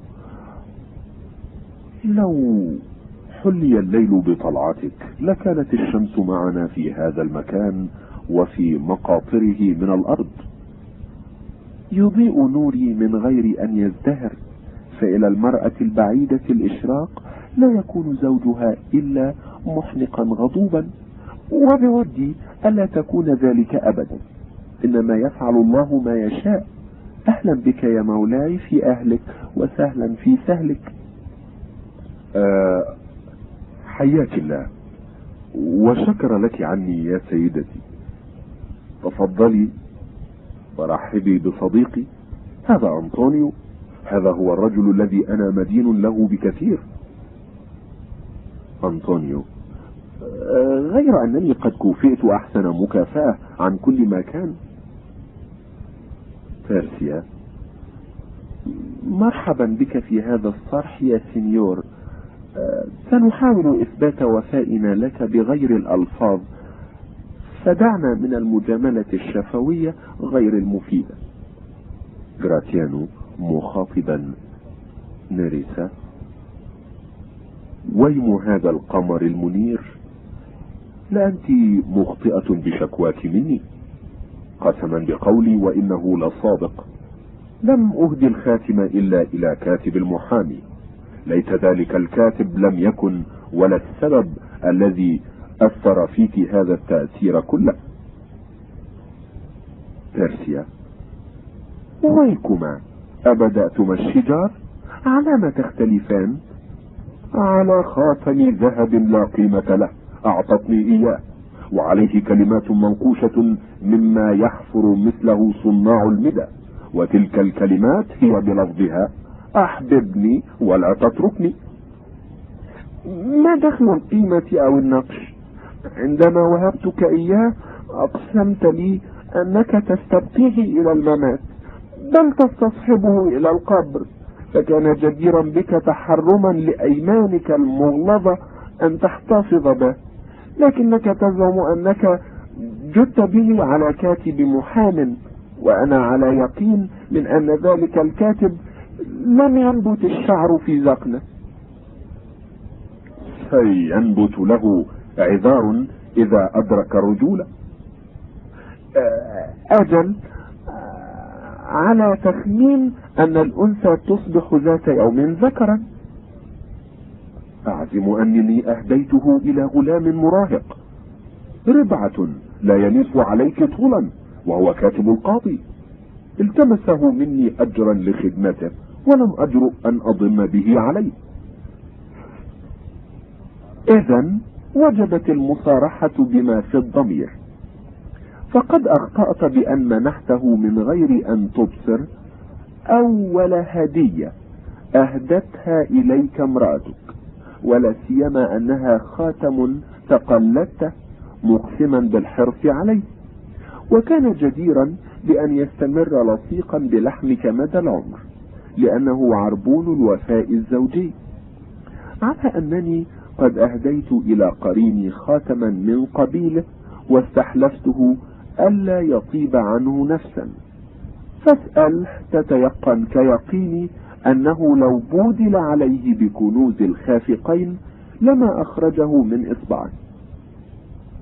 حقا يا جراتيانو لقد أحدثت في نفس امرأتك سببا مثيرا للشتم ولو أحدث بعلي مثله في قلبي لذهب بلبي باسانيو منفردا يا للداهية كان خيرا لي أن أقطع يسراي وأقسم أنني لم أفقد الخاتم إلا بعد دفاع مجيد. جراتيانو السنيور باسانيو منح خاتمه للقاضي بعد أن لج في طلبه وكان القاضي خليقا بأن يعطى ما يشاء. أما أنا فقد رغب إلي كاتب سره في الحصول على الخاتم الذي بيدي فعرفت له قدر ما كتب وما تعب وحققت أمله على أنهما كليهما قد عفى عن كل جزاء منا إلا هذين الخاتمين. بيرسيا أي خاتم وهبت أيها السيد؟ لعله غير الذي أخذته مني. باسانيو لو استطعت أن أضيف أكذوبة إلى ذنبي لأنكرت ولكنك ترين أن الخاتم ليس في إصبعي وقد فقدته ويحك من قليل الإيمان حالف بالأيمان. آليت بالعلي العظيم ألا أدخل سريرا أنت فيه؟ ما لم أجد خاتمي. ميرسيا وأحلف مثل حلفتها أو أجد خاتمي. باسانيو يا سيدتي الجميلة لو كنت تعلمين لمن أعطيته ومن أجل من أعطيته وبعد أي تمنع أعطيته إذ لم يرضه أي شيء سواه. لرفهت عليك وخففت من كبرك. وأنت لو علمت قيمة ذلك الخاتم أو نصف قيمة الإنسان الذي وهبك إياه ولو أدركت أن شرفك مرتبط بألا تتخلى عنه لما طبت عنه نفسا. ولو تشددت بعد التشدد الواجب في الدفاع. لما سمح رجل عنده ما قل من الرقة أو الكياسة أو الأدب أن يصر على سلبك شيئا له عندك مثل تلك الكرامة.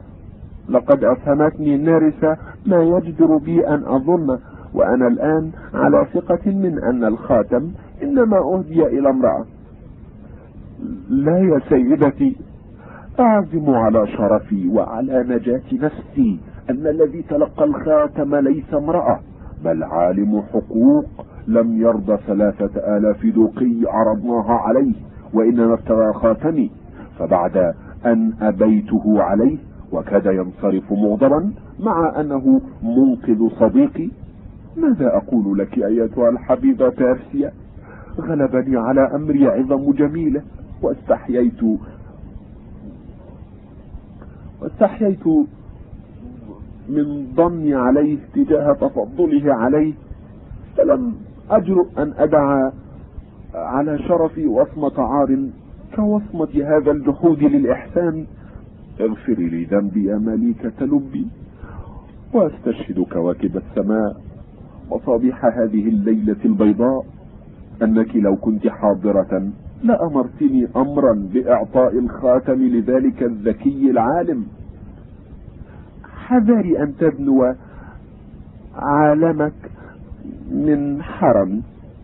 فتالله لو جاء بعد أن حصل على الحلية التي كانت عزيزة عليه وكنت حالفا بالحرص عليها من أجل حبي لو جاء لما بخلت عليه بشيء يطلبه مما لا أبيحه إلا قريني دون سواه. واعلم أنني سأعرفه فإياك أن تتغيب ليلة واحدة وألا ترقبني دائبا بعيون الحذر. فإنك إن قصرت في ذلك أو تركتني يوما منفردة فويم شرفي الذي ما زال ملكي لأبيتن وضجيعي ذلك العالم. نرس مخاطبة جراتيانو وليكونن ضجيعي كاتبة إن غفلت عني. ليفعل إن استطاع. ولكن إياه أن يقع في يدي فأهشم بها قلمه. أنطونيو يا أسفي أنا المتسبب لكل هذا الشجار؟ بيرسيا لا تبالي ذلك يا سينيور مرحبا بك على كل حال. باسانيو أه بيرسيا اصفحي لي عن هذه الغلطة التي وقعت برغم أه فيها. وأقسم على مرأى ومسمع من أصحابنا هؤلاء أقسم بعينيك اللتين أرى فيهما. يا أيها الرجل الذي هو اثنان في واحد وكذلك يتراءى في كل من عيني أقسم بازدواجك. هذا رحماك. أصغي إلي. تجاوزي لي عن هذه الغلطة وأحلف بنفسي أنني لن أحنث بأيماني لك بعد اليوم. أنطونيو مخاطبا بيرسيا آه قد سلف أنني رهنت من أجله حياتي وهي تلك الحياة التي كدت أسلبها لولا العالم الذي كوفئ بذلك الخاتم. واليوم أرتهن لك عهدي عنه بأنه لن يحنث عن عمد أو على علم منه بأي أمر يكون قد عاهدك عليه. آه، رضيت بك ضامنا فأعطه هذا الخاتم وأوصه أن يحرص عليه أكثر مما حرص من قبل. يتناول خاتما ويدنيه إلى باسانيو. أنطونيو. آه تناول هذا الخاتم يا سينيور باسانيو واحلف بأنك تصونه. ويم الله هو نفس الخاتم الذي وهبته للعالم. من يده تلقيته وغفرانك يا باسانيو. نرس مخاطبة جراتيانو كذلك أنا ألتمس عفوك يا حبيبي جراتيانو فإن ذلك الفتى المتقاصر كاتب القاضي قد أعاد إلي هذا الخاتم الليلة البارحة. غرابة وأي غرابة. أفرخت لنا قرون ولم يحن نباتها. ما أشبه هذه الحالة بإصلاح الطرقات الجميلة صيفا. حيث لا حاجة إلى ذلك الإصلاح.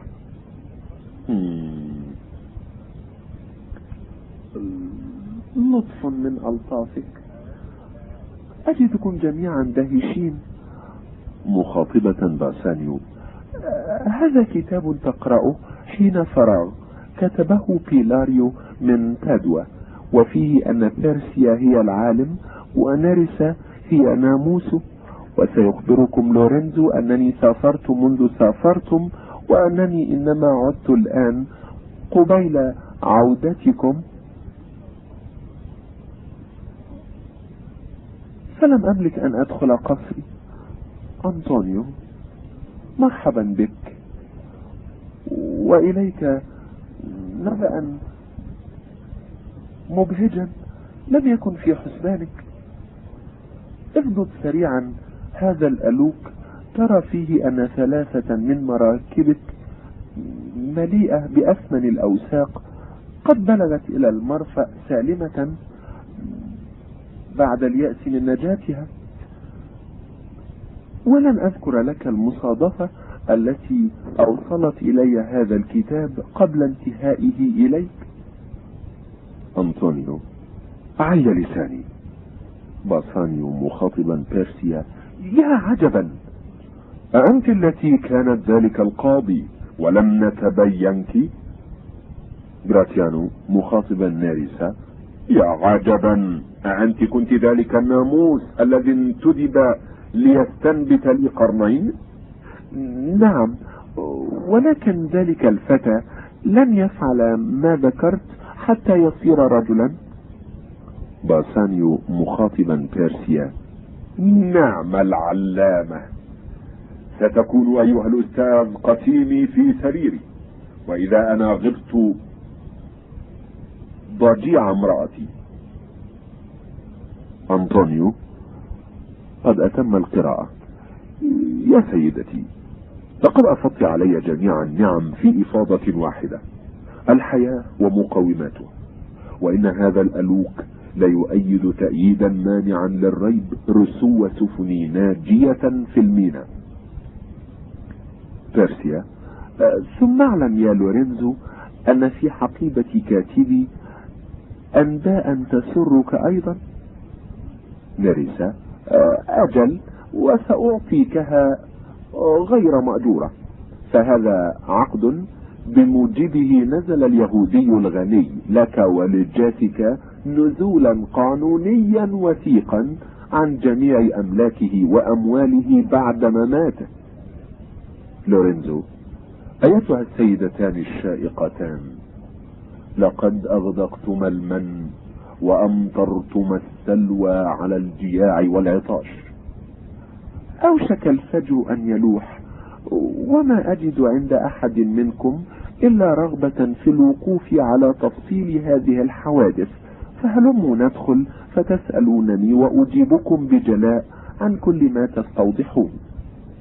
حبا وكرامة لكنني سأسأل النارسة بادئ بدء عما إذا كانت تؤثر التريث على المبيت إلى الليلة الآتية أو اغتنام الساعتين الباقيتين من السحر.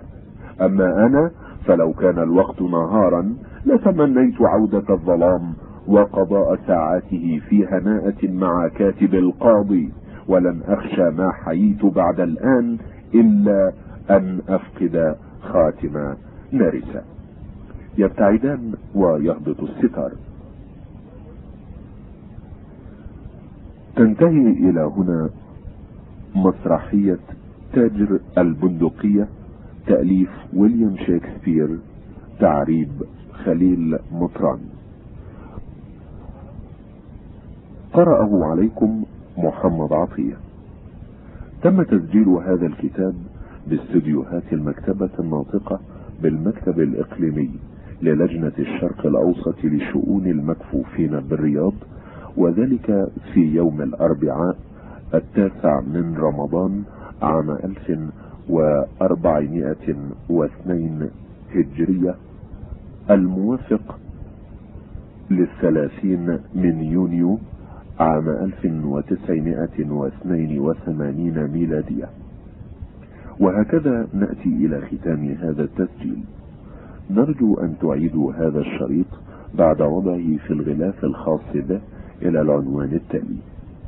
المملكة العربية السعودية المكتب الإقليمي للجنة الشرق الأوسط لشؤون المكفوفين بالرياض صندوق بريد رقم ثلاثة آلاف وأربعمائة وخمسة وستون. انتهى التسجيل الآن مع تحياتنا لكم.